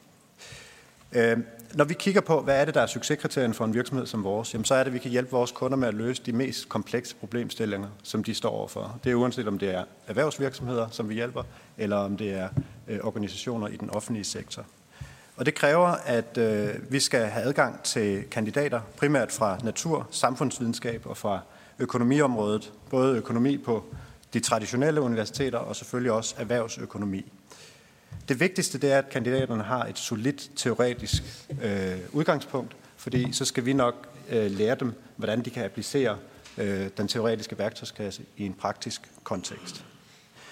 Vi ser os selv som en integreret del af det danske samfund og det økosystem, øh, som vi indgår i, fordi vi videreuddanner rigtig mange af de unge mennesker. Mange af dem bliver hos os i længere tid, men vi er også store leverandører af ledere og specialister til andre virksomheder, når de har været hos os eller en virksomhed lignende vores i en periode. Og vi vil gerne tage vores ansvar for at skabe et livslangt læringsforløb øh, og et økosystem for talentudvikling i Danmark. Som jeg nævnte, så er der bestemt gode øh, elementer i reformforslaget, eksempelvis omkring livslang læring, flere undervisningstimer, øh, flere erhvervskandidater, og som Karl Johan sagde, produktiviteten, den tror vi også på, at den, den er super vigtig. Vi tror også, at differentiering øh, den, øh, det kan være et, et, øh, et godt værktøj, fordi vi erkender, at der kan være virksomheder, som har andre behov end vores øh, virksomhed. Men det afgørende det er, at der fortsat er en betydelig produktion til en virksomhed som vores på allerhøjeste niveau internationalt, som der er i dag. Derfor kan vi ikke frasige os en vis bekymring omkring det her forslag, fordi vi tror, at implementeringen bliver super, super svær. Man skal huske på, at et økosystem det er ikke stærkere end alle ledende i økosystemet rent faktisk skal fungere i en god sammenhæng. Så balancen imellem den etårige og den toårige kandidatuddannelse bliver super vigtig. Det bliver vigtigt, at vi fortsat kan bygge den bro, som vi har i dag imellem universiteterne og erhvervslivet. Øh, og det bliver også vigtigt, at der ikke er en social slagside ved det her forslag. Det går vi som virksomhed rigtig meget op i. Bare en forbier i forbindelse med implementeringen, det vil øh, være katastrofalt for vores virksomheder og for vores land. Men som virksomhed, der stiller vi rigtig gerne op til den videre dialog omkring det her super vigtige emne. Tak for ordet. Tak for det. Øh, og den sidste oplægsholder i anden sektion, det er Brian Vandal, som er senior vice president i Novo Nordisk. Øh, værsgo. Tak for det, og tak for invitationen. Øh, jeg skulle måske sige, at jeg er en del af forskningsledelsen øh, på Novo Nordisk, og mit eget ansvar, det er det område, som populært sagt øh, laver de nye øh, lægemidler i forskningen. Jeg skal måske også starte for 100 år siden, fordi den 16. februar, der fejrede vi Novos 100 års jubilæum ved en virksomhed, der er baseret på en universitetsopdagelse af insulin. Så det er faktisk hele grundlaget for vores virksomhed. Grundlæggende så mener vi også som virksomhed, at det er fornuftigt at se på, hvordan vores uddannelsessystem bedst matcher arbejdsmarkedets behov. Og vi stiller os også som virksomhed meget, meget gerne til rådighed for input til uddannelsesinstitutioner, regeringen og Folketing i forhold til vores forventninger til den fremtidige arbejdsstyrkes øh, kompetencer. Og ja, vi ser også stor værdi i fleksibilitet. Lige så grundlæggende mener vi, at det er kritisk for Danmark ikke at give køb på at uddanne på højeste niveau inden for de områder, som er afgørende for Danmarks øh, styrkepositioner, og vi er i international konkurrence om at tiltrække øh, talent. Og jeg tænker sådan set, at nogle nordiske interesser i meget, meget høj grad er overlappende med Danmarks øh, interesser både med hensyn til et øget arbejdsudbud, men samtidig også på at sikre den højeste kvalitet overhovedet. Vi har vores forskningshovedkvarter i Danmark, såvel som hovedparten af produktion og stabsfunktioner omkring vores hovedkvarter. Vi oplever stor vækst. Vi har pt. 21.000 medarbejdere i Danmark, og når vi taler tal, så bidrog vi øh, i 2022 med 9,2 milliarder i selskabsskat og vores medarbejdere med 6 milliarder i indkomstskat. Og når jeg nævner de her tal, så er det fordi, at jeg tænker, at I skal se de her tal som afkast på det råstof, som det hedder viden. Det er det, vi lever af. Og både i forskning og i produktion har vi virkelig brug for talent. Og vi har brug for talent, der er uddannet til at være verdens bedste inden for deres specialer. Godt nok er ikke godt nok for os. Og for at kunne understøtte vores vækst og udvikling, både på kort og lang sigt, så er først og fremmest adgang til højt specialiseret niveau på stemområdet helt afgørende. Og der er selvfølgelig den disclaimer, at det er mit øh, perspektiv med det ansvar, jeg har i forskningen. Men det er vigtigt for os at stemme kvalitetsniveauet ikke på nogen måde forringes, så det tror jeg alle kan være enige om her. Men jeg vil måske phrase det en lille smule anderledes og sige, at det er også vigtigt, at vi ikke bringer det i fare overhovedet. Og så i parentes bemærket, så ser vi også et stærkt behov for at specielt arbejde med data og digitale kompetencer integreres i uddannelse bredt set, sådan at data og digitalisering bliver en faglighed, der supplerer anden grundfaglighed. Når jeg synes, at den parentes er relevant, er det fordi, at det for mig heller ikke rimer godt på at forkorte uddannelserne. Men samtidig, når det er sagt, hvis vi sikrer kvaliteten, så efterspørger vi som sagt samtidig et øget udbud af kvalificerede medarbejdere. Og der er en række uddannelser, hvor vi i dag har udfordringer med at rekruttere tilstrækkeligt i Danmark. Og det er mere eller mindre generelt også over stemmeområdet. Så vi ser også gerne et øget optag eller et øget udbud. Så samlet set vi er enige i intentionen om at skabe mere diversitet og fleksibilitet i uddannelsesudbuddet, og i højere grad sikre, at vi uddanner inden for de områder og funktioner, som samfundet og vi har brug for, og vi vil også meget, meget gerne som virksomhed påtage os vores del af ansvaret for det, hvis vi for eksempel kan uddanne erhvervskandidater på de områder, hvor det giver mening, ansætte medarbejdere med en etårig kandidatuddannelse, så gør vi også gerne det. Men vi har brug for mange kompetencer på tværs af virksomheden, og der er områder, hvor det muligvis godt kan give mening. Men jeg vil gerne slutte, hvor jeg selv har mit ansvarsområde og min erfaring, nemlig forskningen. Og også sige, at her er vi allerede meget dybt engageret i uddannelse af både kandidater og Ph.D.'er. Og jeg kunne også godt tænke mig, at det måske var en ting, som tog fokus. Hvordan er koblingen til Ph.D.'erne? Det er i allerhøjst grad dem, vi ansætter flest af i forskningen. Og på baggrund af min erfaring har jeg svært ved ikke at frygte en negativ effekt af en forkortet uddannelse. Fleksibilitet er godt, og i forskningen kan vi rigtig godt lide at eksperimentere. Det er faktisk det, vi lever af. Men lige nøjagtigt her vil jeg være bekymret for at eksperimentere for meget på en måde, som kan risikere at gå ud over vores stemmeuddannelser. Og også derfor vil jeg gerne slutte med at gentage, at Novo Nordisk meget gerne bidrager konkret til arbejdet med reformen. Når der skal laves en stor reform, så er det meget, meget vigtigt, at vi tilrettelægger den sådan, at den rent faktisk tilfredsstiller de faktiske behov på arbejdsmarkedet. Og derfor står vores dør absolut åben for en nærmere dialog om det. Og jeg vil håbe, at der tages den tid, det tager for at gøre det rigtigt, når vi nu gør det, og nedbringer risikoen for en negativ effekt. Det vil vi have svært ved for at med. det. Tak. Tusind tak for øh, alle jeres indlæg. Øh, vi går nu til spørgsmål, og øh, jeg har øh, fem på listen allerede. Victoria, Mette, øh, Abelgaard, mig selv, Karin og Frederik Vad. Øhm, og øh, hvis vi starter med de tre første, så har der lige mulighed for, at øh, andre kan skrive sig på, men gerne korte spørgsmål og korte svar. Og øh, Victoria Velasquez fra Enhedslisten må gerne starte. Korte og mange spørgsmål. Nej. Øh, til Deloitte, hvilken betydning vil det blive tillagt, at øh, kandidatspecialet i forhold til sådan analytiske og metodemæssige kompetencer hos nyuddannede kandidater vil blive fjernet? Altså, vil I vælge dem, ligesom 7 ud af 10 arbejdsgivere, som har de kompetencer, eller vil I ikke vælge dem, og hvorfor? Øh, Djøf, Halveringen af erhvervsuddannelserne for nu snart 10 år siden havde kæmpe konsekvenser, blandt andet for rigtig mange eleverne, som ikke følte sig klædt på, når de skulle ud og arbejde i erhvervslivet. Hvilke konsekvenser vil jeres medlemmer opleve, det vil have at være på den etårige kandidat? Især hvis det scenarie om, at det ikke bliver en halvering af de 60 eller op mod 50 procent, men 30 procent af kandidatuddannelserne. Så man er den her lille gruppe, apropos den pointe, der kom fra øh, de tidligere talere. Hvad, hvad vil det have konsekvenser for jeres øh, medlemmer? Øhm, og Mads Eriksen, øh, hvis I skulle vælge den, eller de sådan, kandidater, hvor I mener, det vil være mindst skadeligt, øh, hvad hedder det, øh, at gøre dem til etårige, og dem, hvor det vil gøre, være mest skadeligt at gøre dem til etårige kandidater. Hvilke kandidater vil det så være?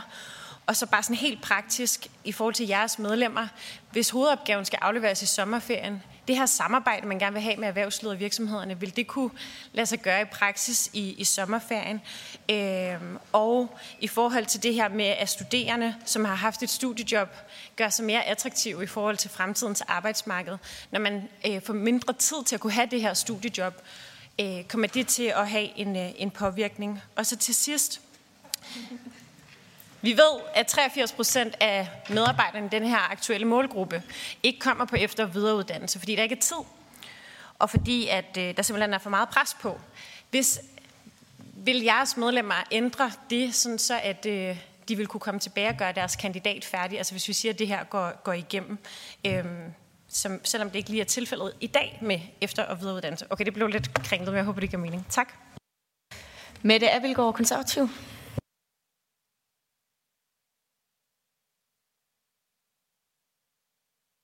Min, jo, nu virker den, undskyld. Øh, jeg prøver måske lige at gøre det lidt kortere. Øh, jeg er ikke sådan øh, uddannelsespolitisk nørd, har ikke arbejdet med det her i mine år øh, i Folketinget, og da jeg fik præsenteret regeringsudspil her, så øh, gjorde jeg mig egentlig den antagelse, at når man forkortede de, op til de her 50 procent af uddannelsen, så var det ligesom hele uddannelsen. Så var det kun muligt at få en et, et kvart år kandidat inden for det område. Men det forstod jeg jo så på den tekniske gennemgang, vi havde med ministeren, at det faktisk ikke er tanken. Altså at man inden for de store områder vil øh, forestille sig, at det skal være sådan, at der både er en toårig kandidat og en en kvartårig kandidat inden for den samme uddannelse. Og det kom lidt som en overraskelse for mig, fordi jeg har svært ved at se, at man fra et arbejdsgiverperspektiv skulle have specielt meget motivation for at tage den et et kvartårige kontra den toårige. Øh, så det er bare sådan et helt grundlæggende spørgsmål. Set med jeres arbejdsgiverøjne, hvad skulle motivationen være for at tage den medarbejder, når der nu findes inden for den samme uddannelse, både en kort og en lang øh, udgave? Tak. Tak for det. Så tager jeg lige øh, mit eget øh, spørgsmål øh, med her, bare lige til øh, Mads Eriksen også, i forhold til øh, udfordringerne med, som du har på en slide med yes, udfordringen, lad os kalde, øh, med løn og, øh, og ledighed øh, inden for særligt du, øh, du ligesom peger på humaniora og lønniveauet der. Men altså, ved afkortningen af uddannelse løse den udfordring? Og øh, så tror jeg, I skal have lov at svare, og så øh, gemmer vi de to sidste spørgsmål tilbage efter, og gerne meget korte svar. Mads, vil du starte? Tak, Victoria. Der var mange ting. Øh, altså, vi vil jo være mest nervøse for at forkorte der, hvor vi i dag har mangel. Altså, så det er i hvert fald der, nervøsiteten er størst. Og så kan man sige, så for de røde områder, det er i hvert fald der, hvor man kan sige, at det kunne være nødvendigt at lave en indsats. Og det er jo det, vi så må prøve at nå ned i. Hvordan laver vi den bedst mulige indsats der? Øh, nej, jeg tror ikke, det bliver nemt at lave et speciale hen over sommerferien, hvor man skal samarbejde med en virksomhed. Øh, og en af vores nervøsiteter i forhold til øh, et kort, intensivt øh, studieår er studiejobbet, som jeg også øh, sagde. Der skal findes nogle løsninger, og derfor synes vi, at at øh, erhvervskandidat også i en 75 ICTS udgave er det mest oplagte måde at arbejde med det her. Og jeg tror faktisk, at mange unge også vil finde det som et attraktivt alternativ til de eksisterende, også selvom at der er lidt færre ICTS.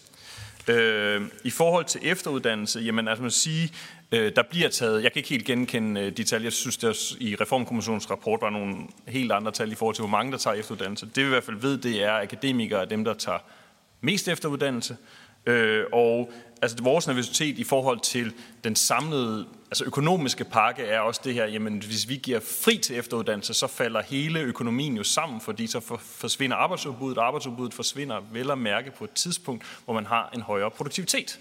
End, altså det, man har lavere produktivitet i starten, ikke? så hvis man tager sin, så, så, så er der noget, noget der. Øh, jamen, øh, til Mette Abelgaard, øh, jamen det er jo det vi skal til at arbejde med, det er, hvad er det for nogle øh, et- og toårige kandidater? Man kan sige, hvis det lykkes at lave nogle nye kandidater, der er mere målrettet, så kan det jo godt være mere attraktivt at tage en kortere end en, en, en, en længere. Så det kommer jo an på, hvis man siger, at den toårige bliver en forskeruddannelse, hvad skulle en privat virksomheds motivation så være for at tage den toårige? Så det jo handler jo lidt om, hvad er det rent faktisk for nogle forløb, vi får tilrettelagt efterfølgende, om det skal være den et- eller toårige. Øh, så i forhold til, om øh, en forkortelse vil være en løsning for ikke mindst humaniora, øh, vi tror meget på, at man skal prøve at tænke et nyt regime i forhold til dimensionering. Øh, grundlæggende så tror øh, vi, at vi skal have øh, færre humanistiske uddannelser, øh, men at dem, der er, de skal nok være en endnu højere kvalitet, end det er i dag. Øh, et eksempel, jeg har været rejsende med, det er, at der er øh, fem filosofiuddannelser i dag. De er alle sammen meget små, og beskæftigelsen er rigtig ringe for øh, alle fem. Skulle vi ikke lave en eller to øh, på i international topklasse i stedet for? Christian, meget hurtigt. Tak, jeg skal prøve at gøre det, øh, gøre det kort. Uh, Victoria, først til, uh, til dit spørgsmål. Hvilken betydning har det for vores valg? Jeg skulle, hvis jeg skulle prøve at sige, hvad er det for nogle kriterier, vi lægger ned over det i dag, og så tror jeg, så kan man måske næsten udlede, hvad det så har for en betydning, hvis man er i, kan man sige, en ny, en ny situation sådan på uddannelsesområdet. Det, som der har betydning for vores valg uh, i dag, det er, at vi rekrutterer øh, visse dele af vores forretning, øh, kan man sige, på en specifik fagområde, hvor der kræves en autorisation. Det gælder eksempelvis på revisionsområdet. Der skal man have en revisorkandidatuddannelse, en kan mærke out, for at kunne blive autoriseret revisor øh, senere. Så det er klart, der kigger vi sådan meget fagspecifikt på det, og det kan også være andre områder, hvor vi gør det. Så går vi rigtig højt op i, at øh, vi rekrutterer nogle unge mennesker, som har lært at lære, og har lyst til at lære og lære, og blive ved med at lære og lære. Og hvad betyder det så? Jamen, jeg er selv uddannet kan mærke out for 20 år siden, og de ting, jeg lærte specifikt på studiet dengang, er jo forældet i dag. Så det, jeg kan bruge allermest øh, i dag personligt, det er jo en, kan man sige, en teoretisk værktøjskasse, der sætter mig i stand til på en struktureret måde at løse svære problemstillinger. Så det at evne at lære og lære er noget, som vores universiteter er rigtig, rigtig dygtige til at fylde ned i værktøjskassen hos de unge mennesker. Så det går vi op i som det andet kriterie. Det tredje kriterie, det er, at de skal være dygtige. Vi vil gerne ansætte dygtige unge mennesker, øhm, og det fjerde, det er, at det skal være ordentlige mennesker og hele mennesker. Øh, hvad hedder det? Det er det, vi har brug for i, øh, i vores virksomhed. Så det er de fire kriterier, og der er det klart, at hvis der lige pludselig bliver lidt et A- og et B-hold, og Michael havde en, øh, kan man sige, analysen med, eller eksemplet fra Colombia, hvis der tegner sig det billede, vil det så få et valg, eller vil, få, vil det få en betydning for vores valg? Det vil det højst sandsynligt øh, få, øh, vil jeg tro, fremadrettet. Øh, og det tror jeg også svarer lidt med det på, øh, på, hvad hedder det, på dit øh, spørgsmål omkring, øh, hvem er det, vi vil vælge øh, fremadrettet.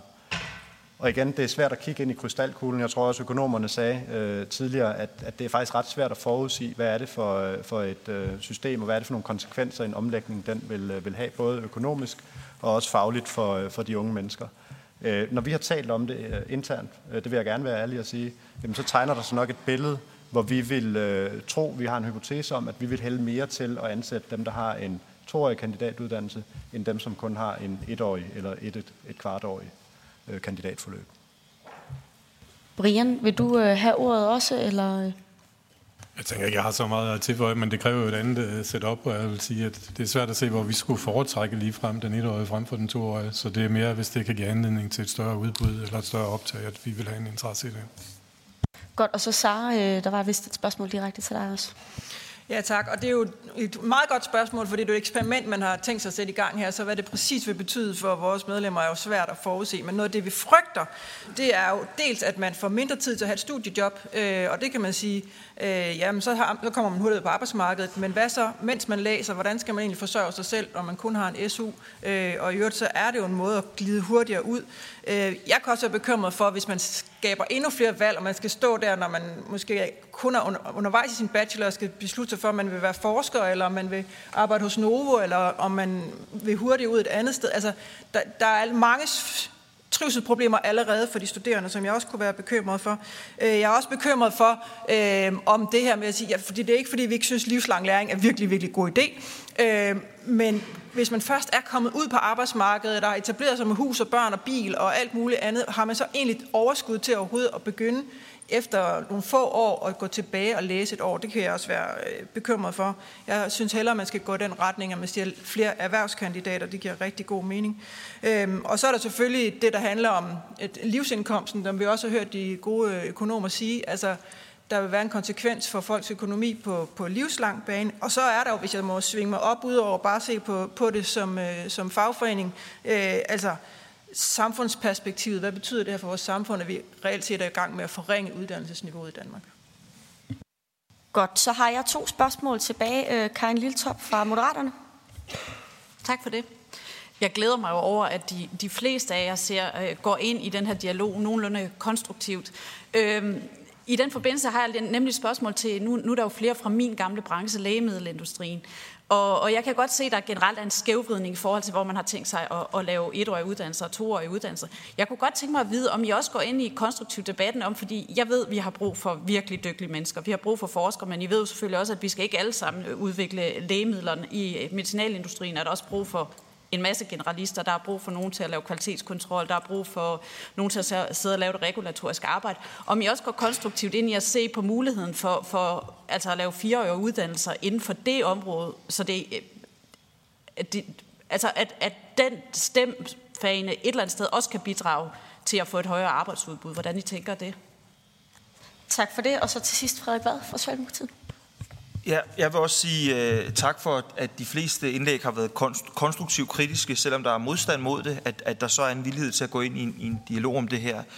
Øhm, det, det kan man måske ikke helt sige om, om, om Jøfs indlæg, øhm, og jeg kunne godt tænke mig at stille et spørgsmål til, til dig, Sara, øhm, som er, øhm, og det kommer jeg til at sidde og tænke på, da du, da du talte, hvorfor, hvorfor, hvorfor tror I egentlig Jøf, at det her forslag kommer fra regeringen? Altså hvis øh, der kun er øh, dårligdom forbundet med det, hvorfor, øh, hvorfor tror I så, at det kommer? Altså hvad er det ude i virkeligheden, når man kigger på, hvor mange der bliver optaget, hvem der bliver optaget, hvem der kommer ud, hvilket job øh, folk kommer i? Hvad er det i virkeligheden, tror I, der har fået regeringen til at komme på den her øh, idé? Det synes jeg egentlig kunne være interessant at høre. Godt, tak for det. Jeg hørte øh, tre, der fik øh, direkte spørgsmål, så øh, Brian, vil du øh, starte dernede? Absolut, så jeg vil gerne starte med at understrege, at vi går konstruktivt ind i enhver dialog. Og jeg håber også, at jeg sagde, at øh, der er også områder, hvor vi ser muligheder, og jeg vil også våge at påstå, at vi allerede har et øh, antal forskellige samarbejder med forskellige uddannelsesinstitutioner, netop med det her med at målrette det vores øh, behov i den sidste ende af uddannelserne. Så absolut altid konstruktiv dialog på tværs af hele virksomheden. Og måske skulle jeg lige tilføje en ting mere. En del af vores erfaringsbase er jo også, at vi opererer i nogle af de lande, som blev nævnt øh, tidligere, som har et andet øh, uddannelsessystem, og hvor der er større fleksibilitet i uddannelsessystemet.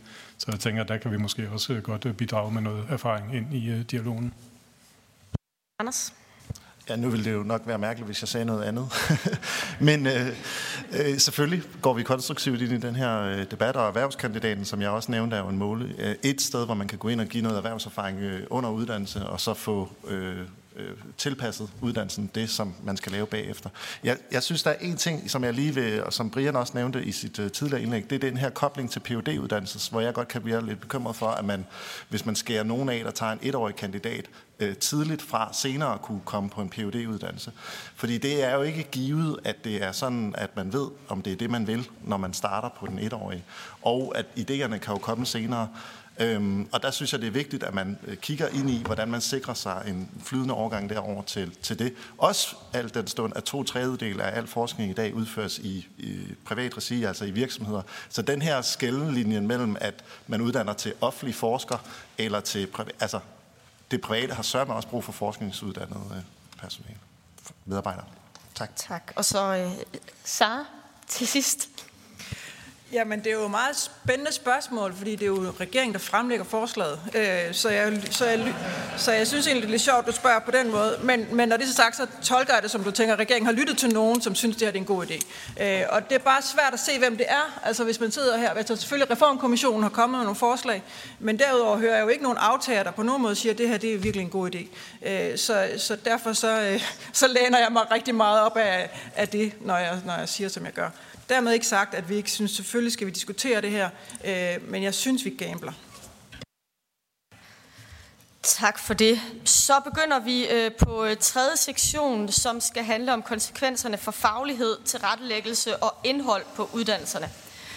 Den første oplægsholder, det er øh, Christian Lauter, som er øh, prorektor for uddannelse og professor øh, på Københavns Universitet. Og du har øh, fem minutter, Christian. Værsgo. Jeg har et slide deck, men hør engang, nu har jeg lyttet til den her debat. Jeg har tre ting, som jeg vil gerne vil sige til jer. For det første, når man reducerer en uddannelse fra to til et år, så har det faglige konsekvenser. Det betyder ikke, at vi ikke kan lave fremragende etårige uddannelser. Det gør vi allerede af høj kvalitet. Det er vi stolte af. Men det har faglige konsekvenser. Jeg har arbejdet med uddannelsesledelse i mange år. Alle mennesker jeg nogensinde har talt med, der arbejder med uddannelsesledelse, vil fortælle jer det samme. Det vi mister, det er dybde og bredde. Og det vi får, det bliver uddannelser, som i højere grad vil have obligatorisk indhold og en retning. Det kan der være god ræson i, men det skal I vide, når I træffer den beslutning, I gør. For det andet, uddannelsestilrettelæggelse. I det fremlagte forslag er det intentionen, at de første kandidater skal starte i 28 på de her kandidatuddannelser. Det betyder, at vi skal have nye bacheloruddannelser klar til opstart i 25. Og der skal vi have tænkt igennem, hvordan de etårige kandidatuddannelser ser ud. Ja, gerne i marts 25, så de ansøgere, der kommer ind, faktisk kan forstå, hvad det er for en uddannelse, de læser, og hvad den vil føre til. Og når I beder os om at lave op til halvdelen af uddannelserne om, og bare for at forklare jer, hvad det betyder, hvis jeg fraregner de autorisationsbelagte uddannelser, de stemuddannelser, som Brian skal bruge, og juristerne, så er det alle andre uddannelser, vi skal lave et år i. Hvis I beder os om at lave en reform af den størrelsesorden, så er det ikke kun noget, der har betydning for de etårige kandidatuddannelser. Det har betydning for de toårige kandidatuddannelser og de treårige bacheloruddannelser. Hvis vi skal sikre en ordentlig implementering af et forslag af den her størrelsesorden, så bliver jeg nødt til at lægge jer på scenen, at det I beder os om er i løbet af et år, fra januar næste år, at revidere alle vores uddannelser og have dem klar et år senere. Og det er en fantastisk stor opgave.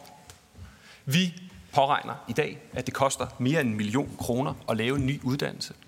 At det tager minimum halvandet år. Hvis vi vil have arbejdsmarkedsdialog, og at vi faktisk skal forholde os til, hvordan vi kan lave bedre uddannelser ud af det her, så tager det endnu længere tid. I har indlagt os i et byråkratisk system, der betyder, at de skal prækvalificeres. Der skal være ansøgninger, der skal ligge studieordninger på et tidligt tidspunkt. Og alle de ting vil betyde, at det tager længere tid. Som det sidste, så optager vi jo på nuværende tidspunkt bachelorer i det eksisterende uddannelsesøkosystem. Fordi de har retskrav på en toårig kandidatuddannelse, vil forslaget betyde, at vi skal opretholde to uddannelsesøkosystemer frem til midten af 2030'erne. Når jeg ligger i fosterstilling over det her forslag, så er det på grund af det. For egentlig venner, så tror jeg, at de formål, der listes med formålet, eller undskyld med udspillet, er ganske fornuftige. Universiteterne ønsker også et mere fleksibelt uddannelseslandskab. Vi ønsker brændende at uddanne kandidater, der er relevante for arbejdsmarkedet og for samfundet. Og vi kan godt se, at vi har en opgave at løfte som kollektiv, sammen med professionshøjskolerne, sammen med de andre uddannelser i Danmark, og få et mere sammenhængende uddannelseslandskab i Danmark. Hvis jeg må komme med en bøn, så sæt ild til det. Lad være med at fortælle os, hvad svaret er. Fortæl os, hvad målene er. Og så sæt nogle stramme mål for os, hvis I ikke mener, at der er tillid nok længere. Så sæt nogle mål, der er økonomisk karakter. Fortæl os, hvilket arbejdsudbud I ønsker jer. Ja.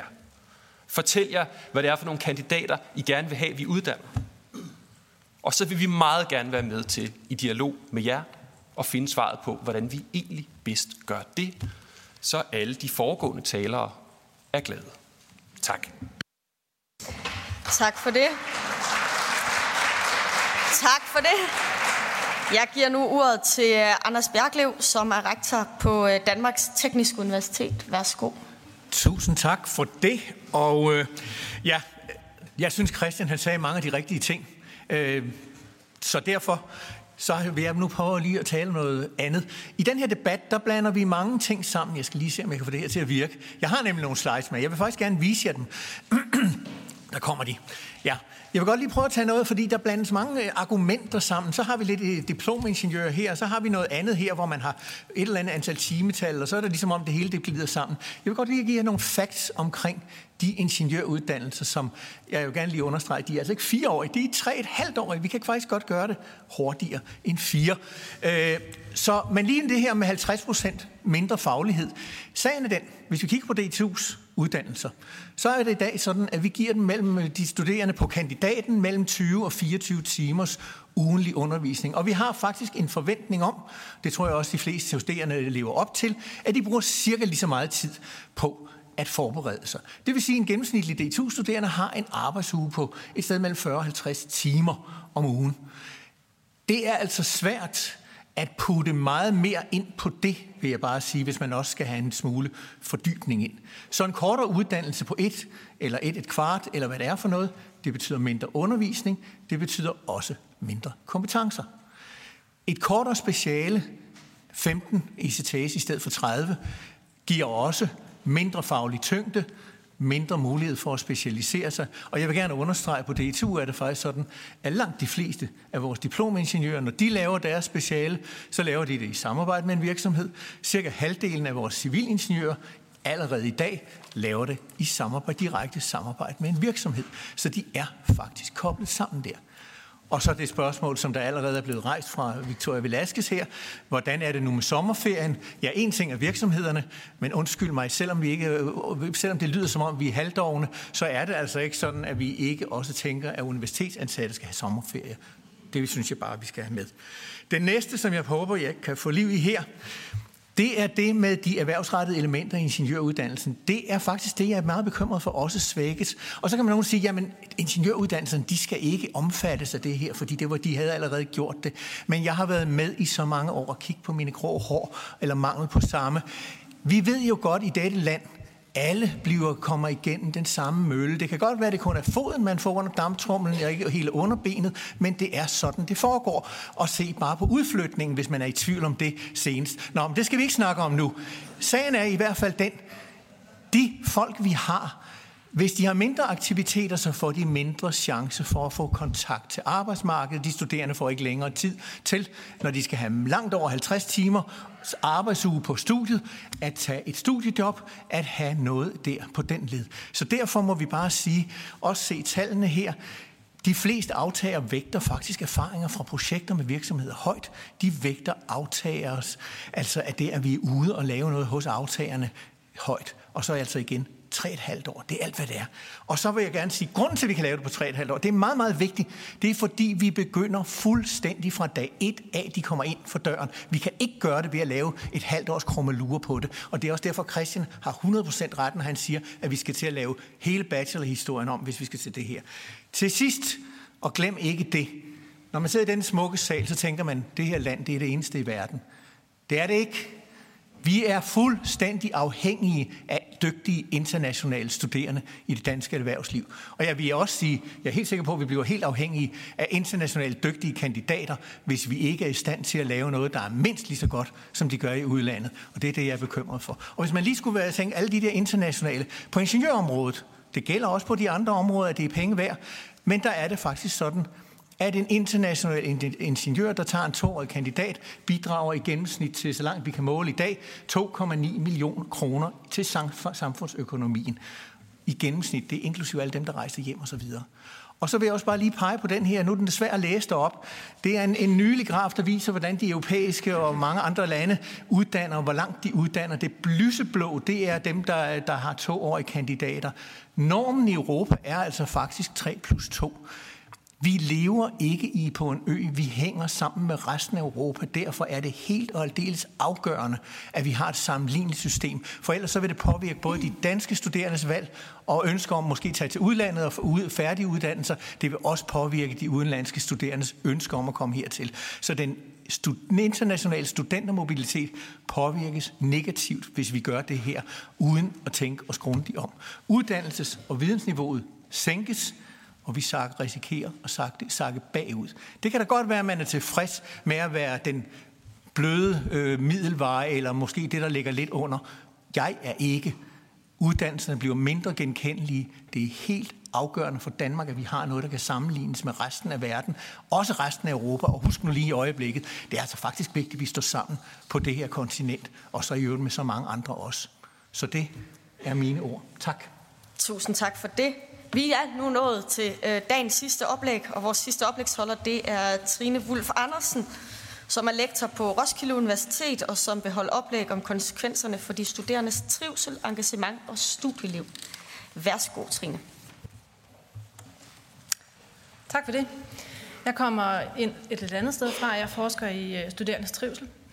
Studerendes trivsel, det er ikke noget, der findes ved siden af eller rundt om studiet. Studerendes trivsel det er noget, der lever af, at vi etablerer nogle læringsmiljøer og nogle samlede arbejdssituationer for de studerende, som de som minimum kan tåle, og øh, som de derudover kan, altså, som kan danne ramme om nogle læreprocesser af høj kvalitet, de skal lære at lære. Og vi skal forstå det her med trivsel og læreprocesser langt mere samlet. Både politisk og i praksisudviklingen, der skal vi skelne langt mindre mellem det faglige engagement og den sociale tilknytning. Det er i forhold, der virker sammen. De senere år der har en lang række forskningsprojekter og undersøgelser belyst, hvordan øh, danske studerendes trivsel og derfor også deres læreprocesser er under pres. Øh, og konkret, så hvis du skipper til næste slide, så vedrører det øh, en lang række faktorer, og de vigtigste af dem er listet her. Og selvfølgelig også den måde, de faktorer virker sammen på. Og jeg starter ved intensitet og komprimering, fordi en meget stor andel af vores studerende kontinuerligt har et ret højt stressniveau, Øh, I DM's sidste studielivsundersøgelse, der er det halvdelen, der siger, at de ofte er stresset, og det er en tredjedel af dem, der siger, at de har opsøgt professionel hjælp i den anledning. De oplever, når man spørger kvalitativt, at studieforløbet er komprimeret, og samtidig er det af flere gode grunde jo også nødvendigt at have et studiejob. Så de rapporterer om mangel på tid til simpelthen at løse opgaven, det vil sige den nødvendige forberedelse og fordybelse og, og bearbejdning i forbindelse med det faglige stof på studiet, men det er også mangel på tid til simpel restitution, øh, til hverdagspraktik, øh, til at indgå i sociale relationer, både på og uden for studiet. Og det her stressniveau, det både skyldes og foranlediger de andre forhold på sliden, øh, et belastende præstationspres og nogle helt usunde konkurrencedynamikker, der nogle steder slår igennem som sådan decideret utrygge læringsmiljøer. Det er ensomhed og angst og skam knyttet til nogle lidt urealistiske normer for, hvad en god studerende skal kunne, og en individualisering af ansvaret for at lykkes.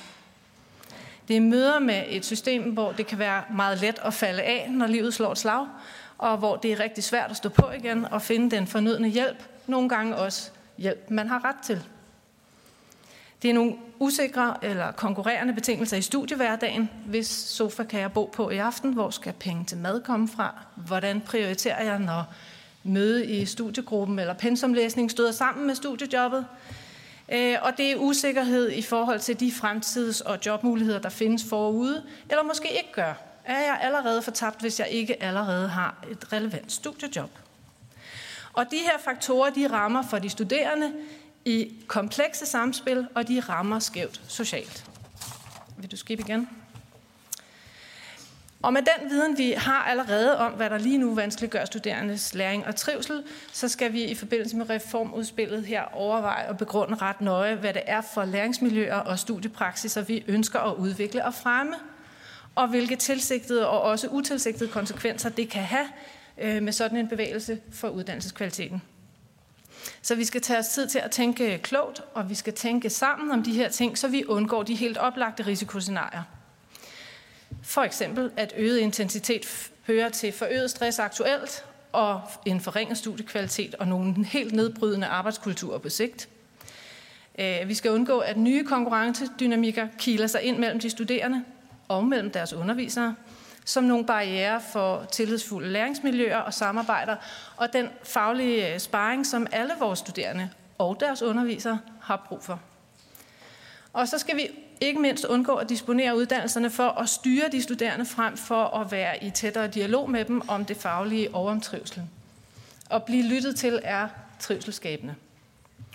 Så vi skal da tænke i progression og i arbejdsmarkedssigte, Øh, men vi skal undgå nogle stramme mål- og tidsstyringer, som kommer på kant med de studerendes faglige og selvstændige udvikling. Og vi skal sætte faglig retning, men vi skal ikke gøre det med så snævre normer, at studerende oplever sig selv som forkerte eller alene frem for som i proces. Og vi skal give fleksibilitet, men vi skal ikke gøre det på nogle måder, som eroderer de studerendes muligheder for at følges i læringsmiljøer med hinanden og med os. Og vi er allerede i gang. Vi arbejder hele tiden pædagogisk på læringsmiljøer, som er kvalificerende og brobyggende og samarbejdende øh, og åbne, også hvis livet sker for nogle unge, som må trække sig i en periode og selvfølgelig skal tilbage igen. Øh, og her har jeg, som I kan se på slidesene, talt primært med belæg i dansk forskning, som kvalitativt og med dybde har udforsket de her studentererfaringer, der ligger bag de tal, vi alle sammen kan læse, og som også videre, viser videre til international forskning og praksiserfaring. Men nu er der jo også her i Landtingssalen sådan grænser for, hvad man kan nå at udfolde på fem minutter og to-tre slides øh, og i kort svar. Så derfor ser jeg og de andre uddannelsesforskere på referencelisten her, og vel vi, der har talt, øh, og vores ledere og underviserkolleger, og ikke mindst vores studerende, frem til at blive taget med videre i den videre proces og udvikling. Vi skal tænke klogt, og vi skal tænke sammen. Og nu hang der før et citat fra en studerende, det synes jeg, øh, vi skal have med os i baghovedet. Tak for det.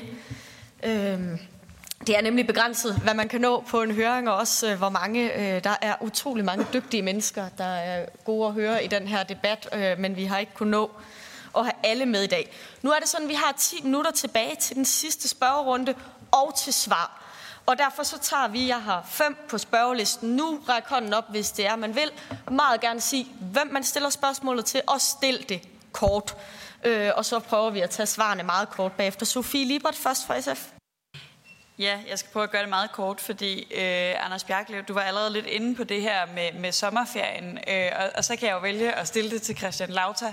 Øh, kan det lade sig gøre at skrive, at samtlige studerende, fordi der findes allerede sommerferiekurser, så nogle enkelte undervisere er til stede over sommerferien, men skal samtlige studerende hvert år skrive opgave i sommerferien, så er der rigtig mange undervisere, der ikke kan få sommerferie, eller også så er der øh, rigtig mange studerende, der ikke kan få vejledning. Så kan det overhovedet lade sig gøre øh, at lægge den her 15. opgave i juli og august. Tak for det. Victoria Valeska, Enhedslisten. Tak for det. Øhm, jeg ved ikke, hvem den her skal være til. Så tager vi den til dig, Christian. Øh, et af regeringens hovedargumenter for, at vi skal gøre det her, det er, at øh, de nyuddannede har svært ved at få fodfæste på arbejdsmarkedet efterfølgende. Men når vi kigger på professionsbachelorerne, der er det også 41 procent, der har svært ved det. Så det her er en generel tendens, vi ser blandt nyuddannede, eller hvordan, og er det noget, vi generelt måske faktisk skal styrke? Okay. Anders, så får du det andet spørgsmål. Hvis vi nu dropper at komme på den der 33. plads, og tænker, at vi vil gerne gøre det bedre, jeg er enig med dig, øh, og så dropper derfor halvering af kandidatuddannelserne, og rent faktisk sagde, at formålet om at styrke kvaliteten af uddannelserne, det er faktisk en god idé. Og vi rullede de 2% besparelser, der har været på uddannelserne, tilbage. Hvordan vil I så bruge de ressourcer? Og Trine, Kommer det her karakterræs til at påvirke trivslen? Det, at man er flere studerende, der kæmper om at få de toårige, så man er sikret sin, sin fremtid. Og nu siger du det her med de sociale rammer skævt osv. Hvad med dem med et handicap eller en funktionsvariation? Kommer det også til at få nogle konsekvenser der? Tak. Tak. Frederik Vad, Socialdemokratiet. Yes, jeg kunne godt tænke mig at stille et spørgsmål til, øh, til Trine, øh, eller to spørgsmål. Det ene er, at øh, jeg så øh, nogle tal forleden, der viste, at hvis man kigger på ungdomsuddannelserne, så øh, der, hvor der er allermest mistrivsel, det er på det almindelige gymnasium eller STX, og der, hvor der er allermindst mistrivsel, det er på erhvervsuddannelserne. Ved vi noget, øh, fordi det er faktisk ikke tjekket forud, debatten, forud for debatten her, ved vi noget om, i hvilke dele af det videregående uddannelsessystem, der er allermest mistrivsel? Og så vil jeg bare gerne, som den anden ting, øh, have bekræftet, at øh, denne her øh, galopperende mistrivsel, som vi taler om her, som du redegjorde for rigtig fint, at det er et, et fænomen, der er øh, altså, at de tal øh, har den samme udvikling i stort set hele den vestlige verden på tværs af uddannelsessystemer og på tværs af uddannelseskulturer. Tak for det, Karin Liltrup. Tak. Mit spørgsmål er også til Trine. Øh, jeg, jeg tror måske, der har øh, bredt sig en misforståelse om, at man har tænkt sig at lægge mere ind på den kortere uddannelse, og det er nok derfor, jeg bliver lidt forvirret over at snakke om øget mistrivsel. Fordi det er vel sådan i dag, at der stadigvæk er krav om en universitetsuddannelse, den øh, er berammet til 40 timer ugenligt, og det kommer jo også til at være sådan fremadrettet. Så, så det er nok for, for mig er det sådan lidt øh, ikke helt forståeligt, hvorfor man tror, at det skaber øget mistrivsel, netop når man har tænkt sig at lægge flere uddannelses- eller undervisningstimer osv ind. Så det, så det er nok den, jeg prøver at få opklaret, om øh, der er en sammenhæng der. Og til sidst Lise Bertelsen. Undskyld. Tak. det er til dig, Christian. Øh, fordi jeg er lidt interesseret i øh, at høre, øh, hvor mange etårige uddannelser skal man øh, oprette, hvis det er sådan, man skal komme i mål med de her 50 procent, som regeringen lægger op til. Øh, og man har gjort sig nogle beregninger over, hvad det vil koste både at, at, at implementere dem, men også at udvikle og drifte dem. Tusind tak for de spørgsmål og for at stille dem direkte. Øh, Christian, vil du starte, og så kan Anders og Trine slutte så. Øh, Sofie, ja, så alt kan lade sig gøre, men det bliver ikke uden konsekvenser for det arbejdsliv, vi i dag tilbyder vores, øh, vores øh, undervisere og forskere. Overgang til arbejdsmarkedet. Øh, øh, Victoria, ja, øh, det, alle har svært øh, ved at starte på i arbejdslivet. Det er noget andet. Øh, det er en overgang i livet, og det er øh, meget vanskeligt, og du har helt ret. Øh, tallene bekræfter, at det er præcis det samme for øh, professionshøjskolernes uddannelser. Øh, og øh, det sidste spørgsmål, hvor mange? Ja, jeg prøvede at sandsynliggøre det ved at sige, hvis vi tager lægerne og odontologerne og veterinærmedicinerne ud, og juristerne, hvis vi siger, at stemmerne skal spares, ja, så er det alle andre, alle andre kandidatuddannelser. Hvad er størrelsesordenen på det? På KU der har vi 120 øh, kandidatuddannelser på nuværende tidspunkt. Dem vi undtager her øh, er øh, ikke nødvendigvis størstedelen, så det vil være rigtig, rigtig mange uddannelser. Hvad vil det koste? Det vil være et 60 millionbeløb i implementering. Og så vil jeg også bare sige, at nogle af de rigtig gode ting, vi i øvrigt har gang i, må, må jo nødvendigvis gå på pause, hvis vi beder vores undervisere og forskere om at bruge tiden de næste mange år på det her. Så det skal man også have med i ligningen. Ja, jeg fik et spørgsmål om, hvad vi, man skulle bruge pengene til. Øh, der vil jeg sige, jeg kan, jeg kan, jeg kan give dig et svar på det, ingeniørernes område. De andre synes jeg, de skal, så skal man spørge dem selv, hvordan det er. På mit område, der vil jeg sige, hvis vi skulle få flere midler til noget af, af de her ting, så vil det, det være mere vejledning. Det vil være et sørge for spørgsmål om at arbejde med, med det frafald, som vi har. Og så vil det være et spørgsmål om, at vi får flere øh, og tættere øh, interaktioner med erhvervslivet. Det vil være, være mine bud på det, på, på det her. Øh, og så måske lige til, til Frederik Vad. Nu var det godt nok til mig her.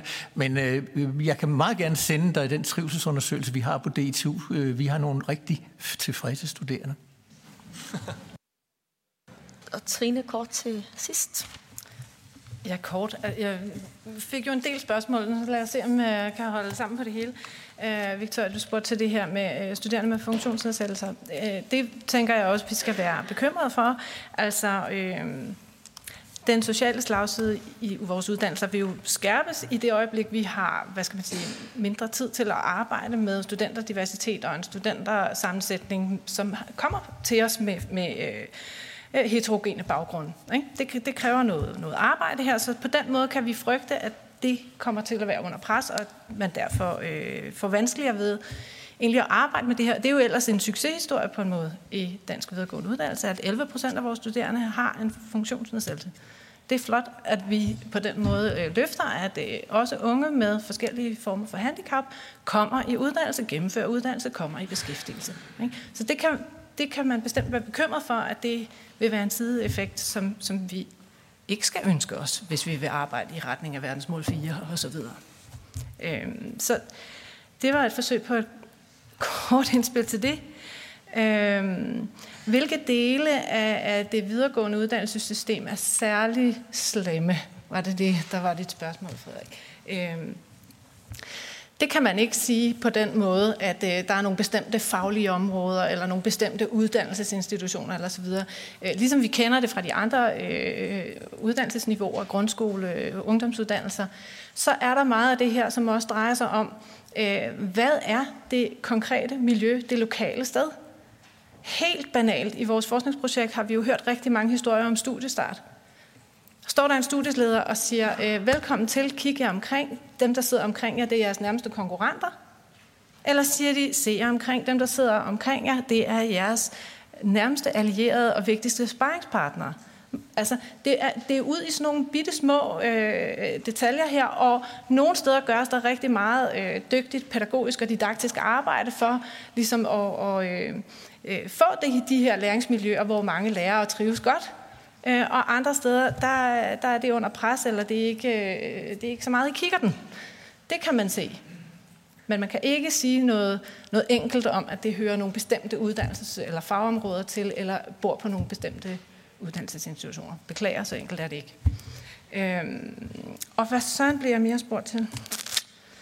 Øhm, det var det her med, nej, på, på den ene side kan man sige, nej, nej, så kunne vi justere ned i, hvad skal der bo inden for 75 øh, ECTS, sådan at det nogenlunde justerer ned i forhold til, til øh, bare at blive på den samme arbejdsbelastning. Øh, til det kan man sige, den arbejdsbelastning, vi har allerede, øh, virker åbenbart usund. Og så kan man sige, at det her kunne jo godt være en positiv anledning til ligesom at kigge på det. Øh, det, det, øh, det er der bestemt god grund til måske skal man bare huske, at det handler jo ikke i studentertrivsels øh, øje med alene om, hvad er det, vi formelt pakker ind i, inden for selve studierammen. Det handler også om alt muligt andet. Hvis man hele tiden føler, at jamen, det kan godt være, der står på papiret, det er godt nok, du skal bare leve op til de her 75 ECTS, men man har fornemmelsen af, at så taber jeg konkurrencen til de andre, som har de lange, eller til de, øh, dem, der kommer fra de andre europæiske øh, lande eller noget, så vil det være et pres, selvom vi sådan set på det formelle studieordningsniveau har justeret ned for arbejdsbelastningen, hvis det giver mening.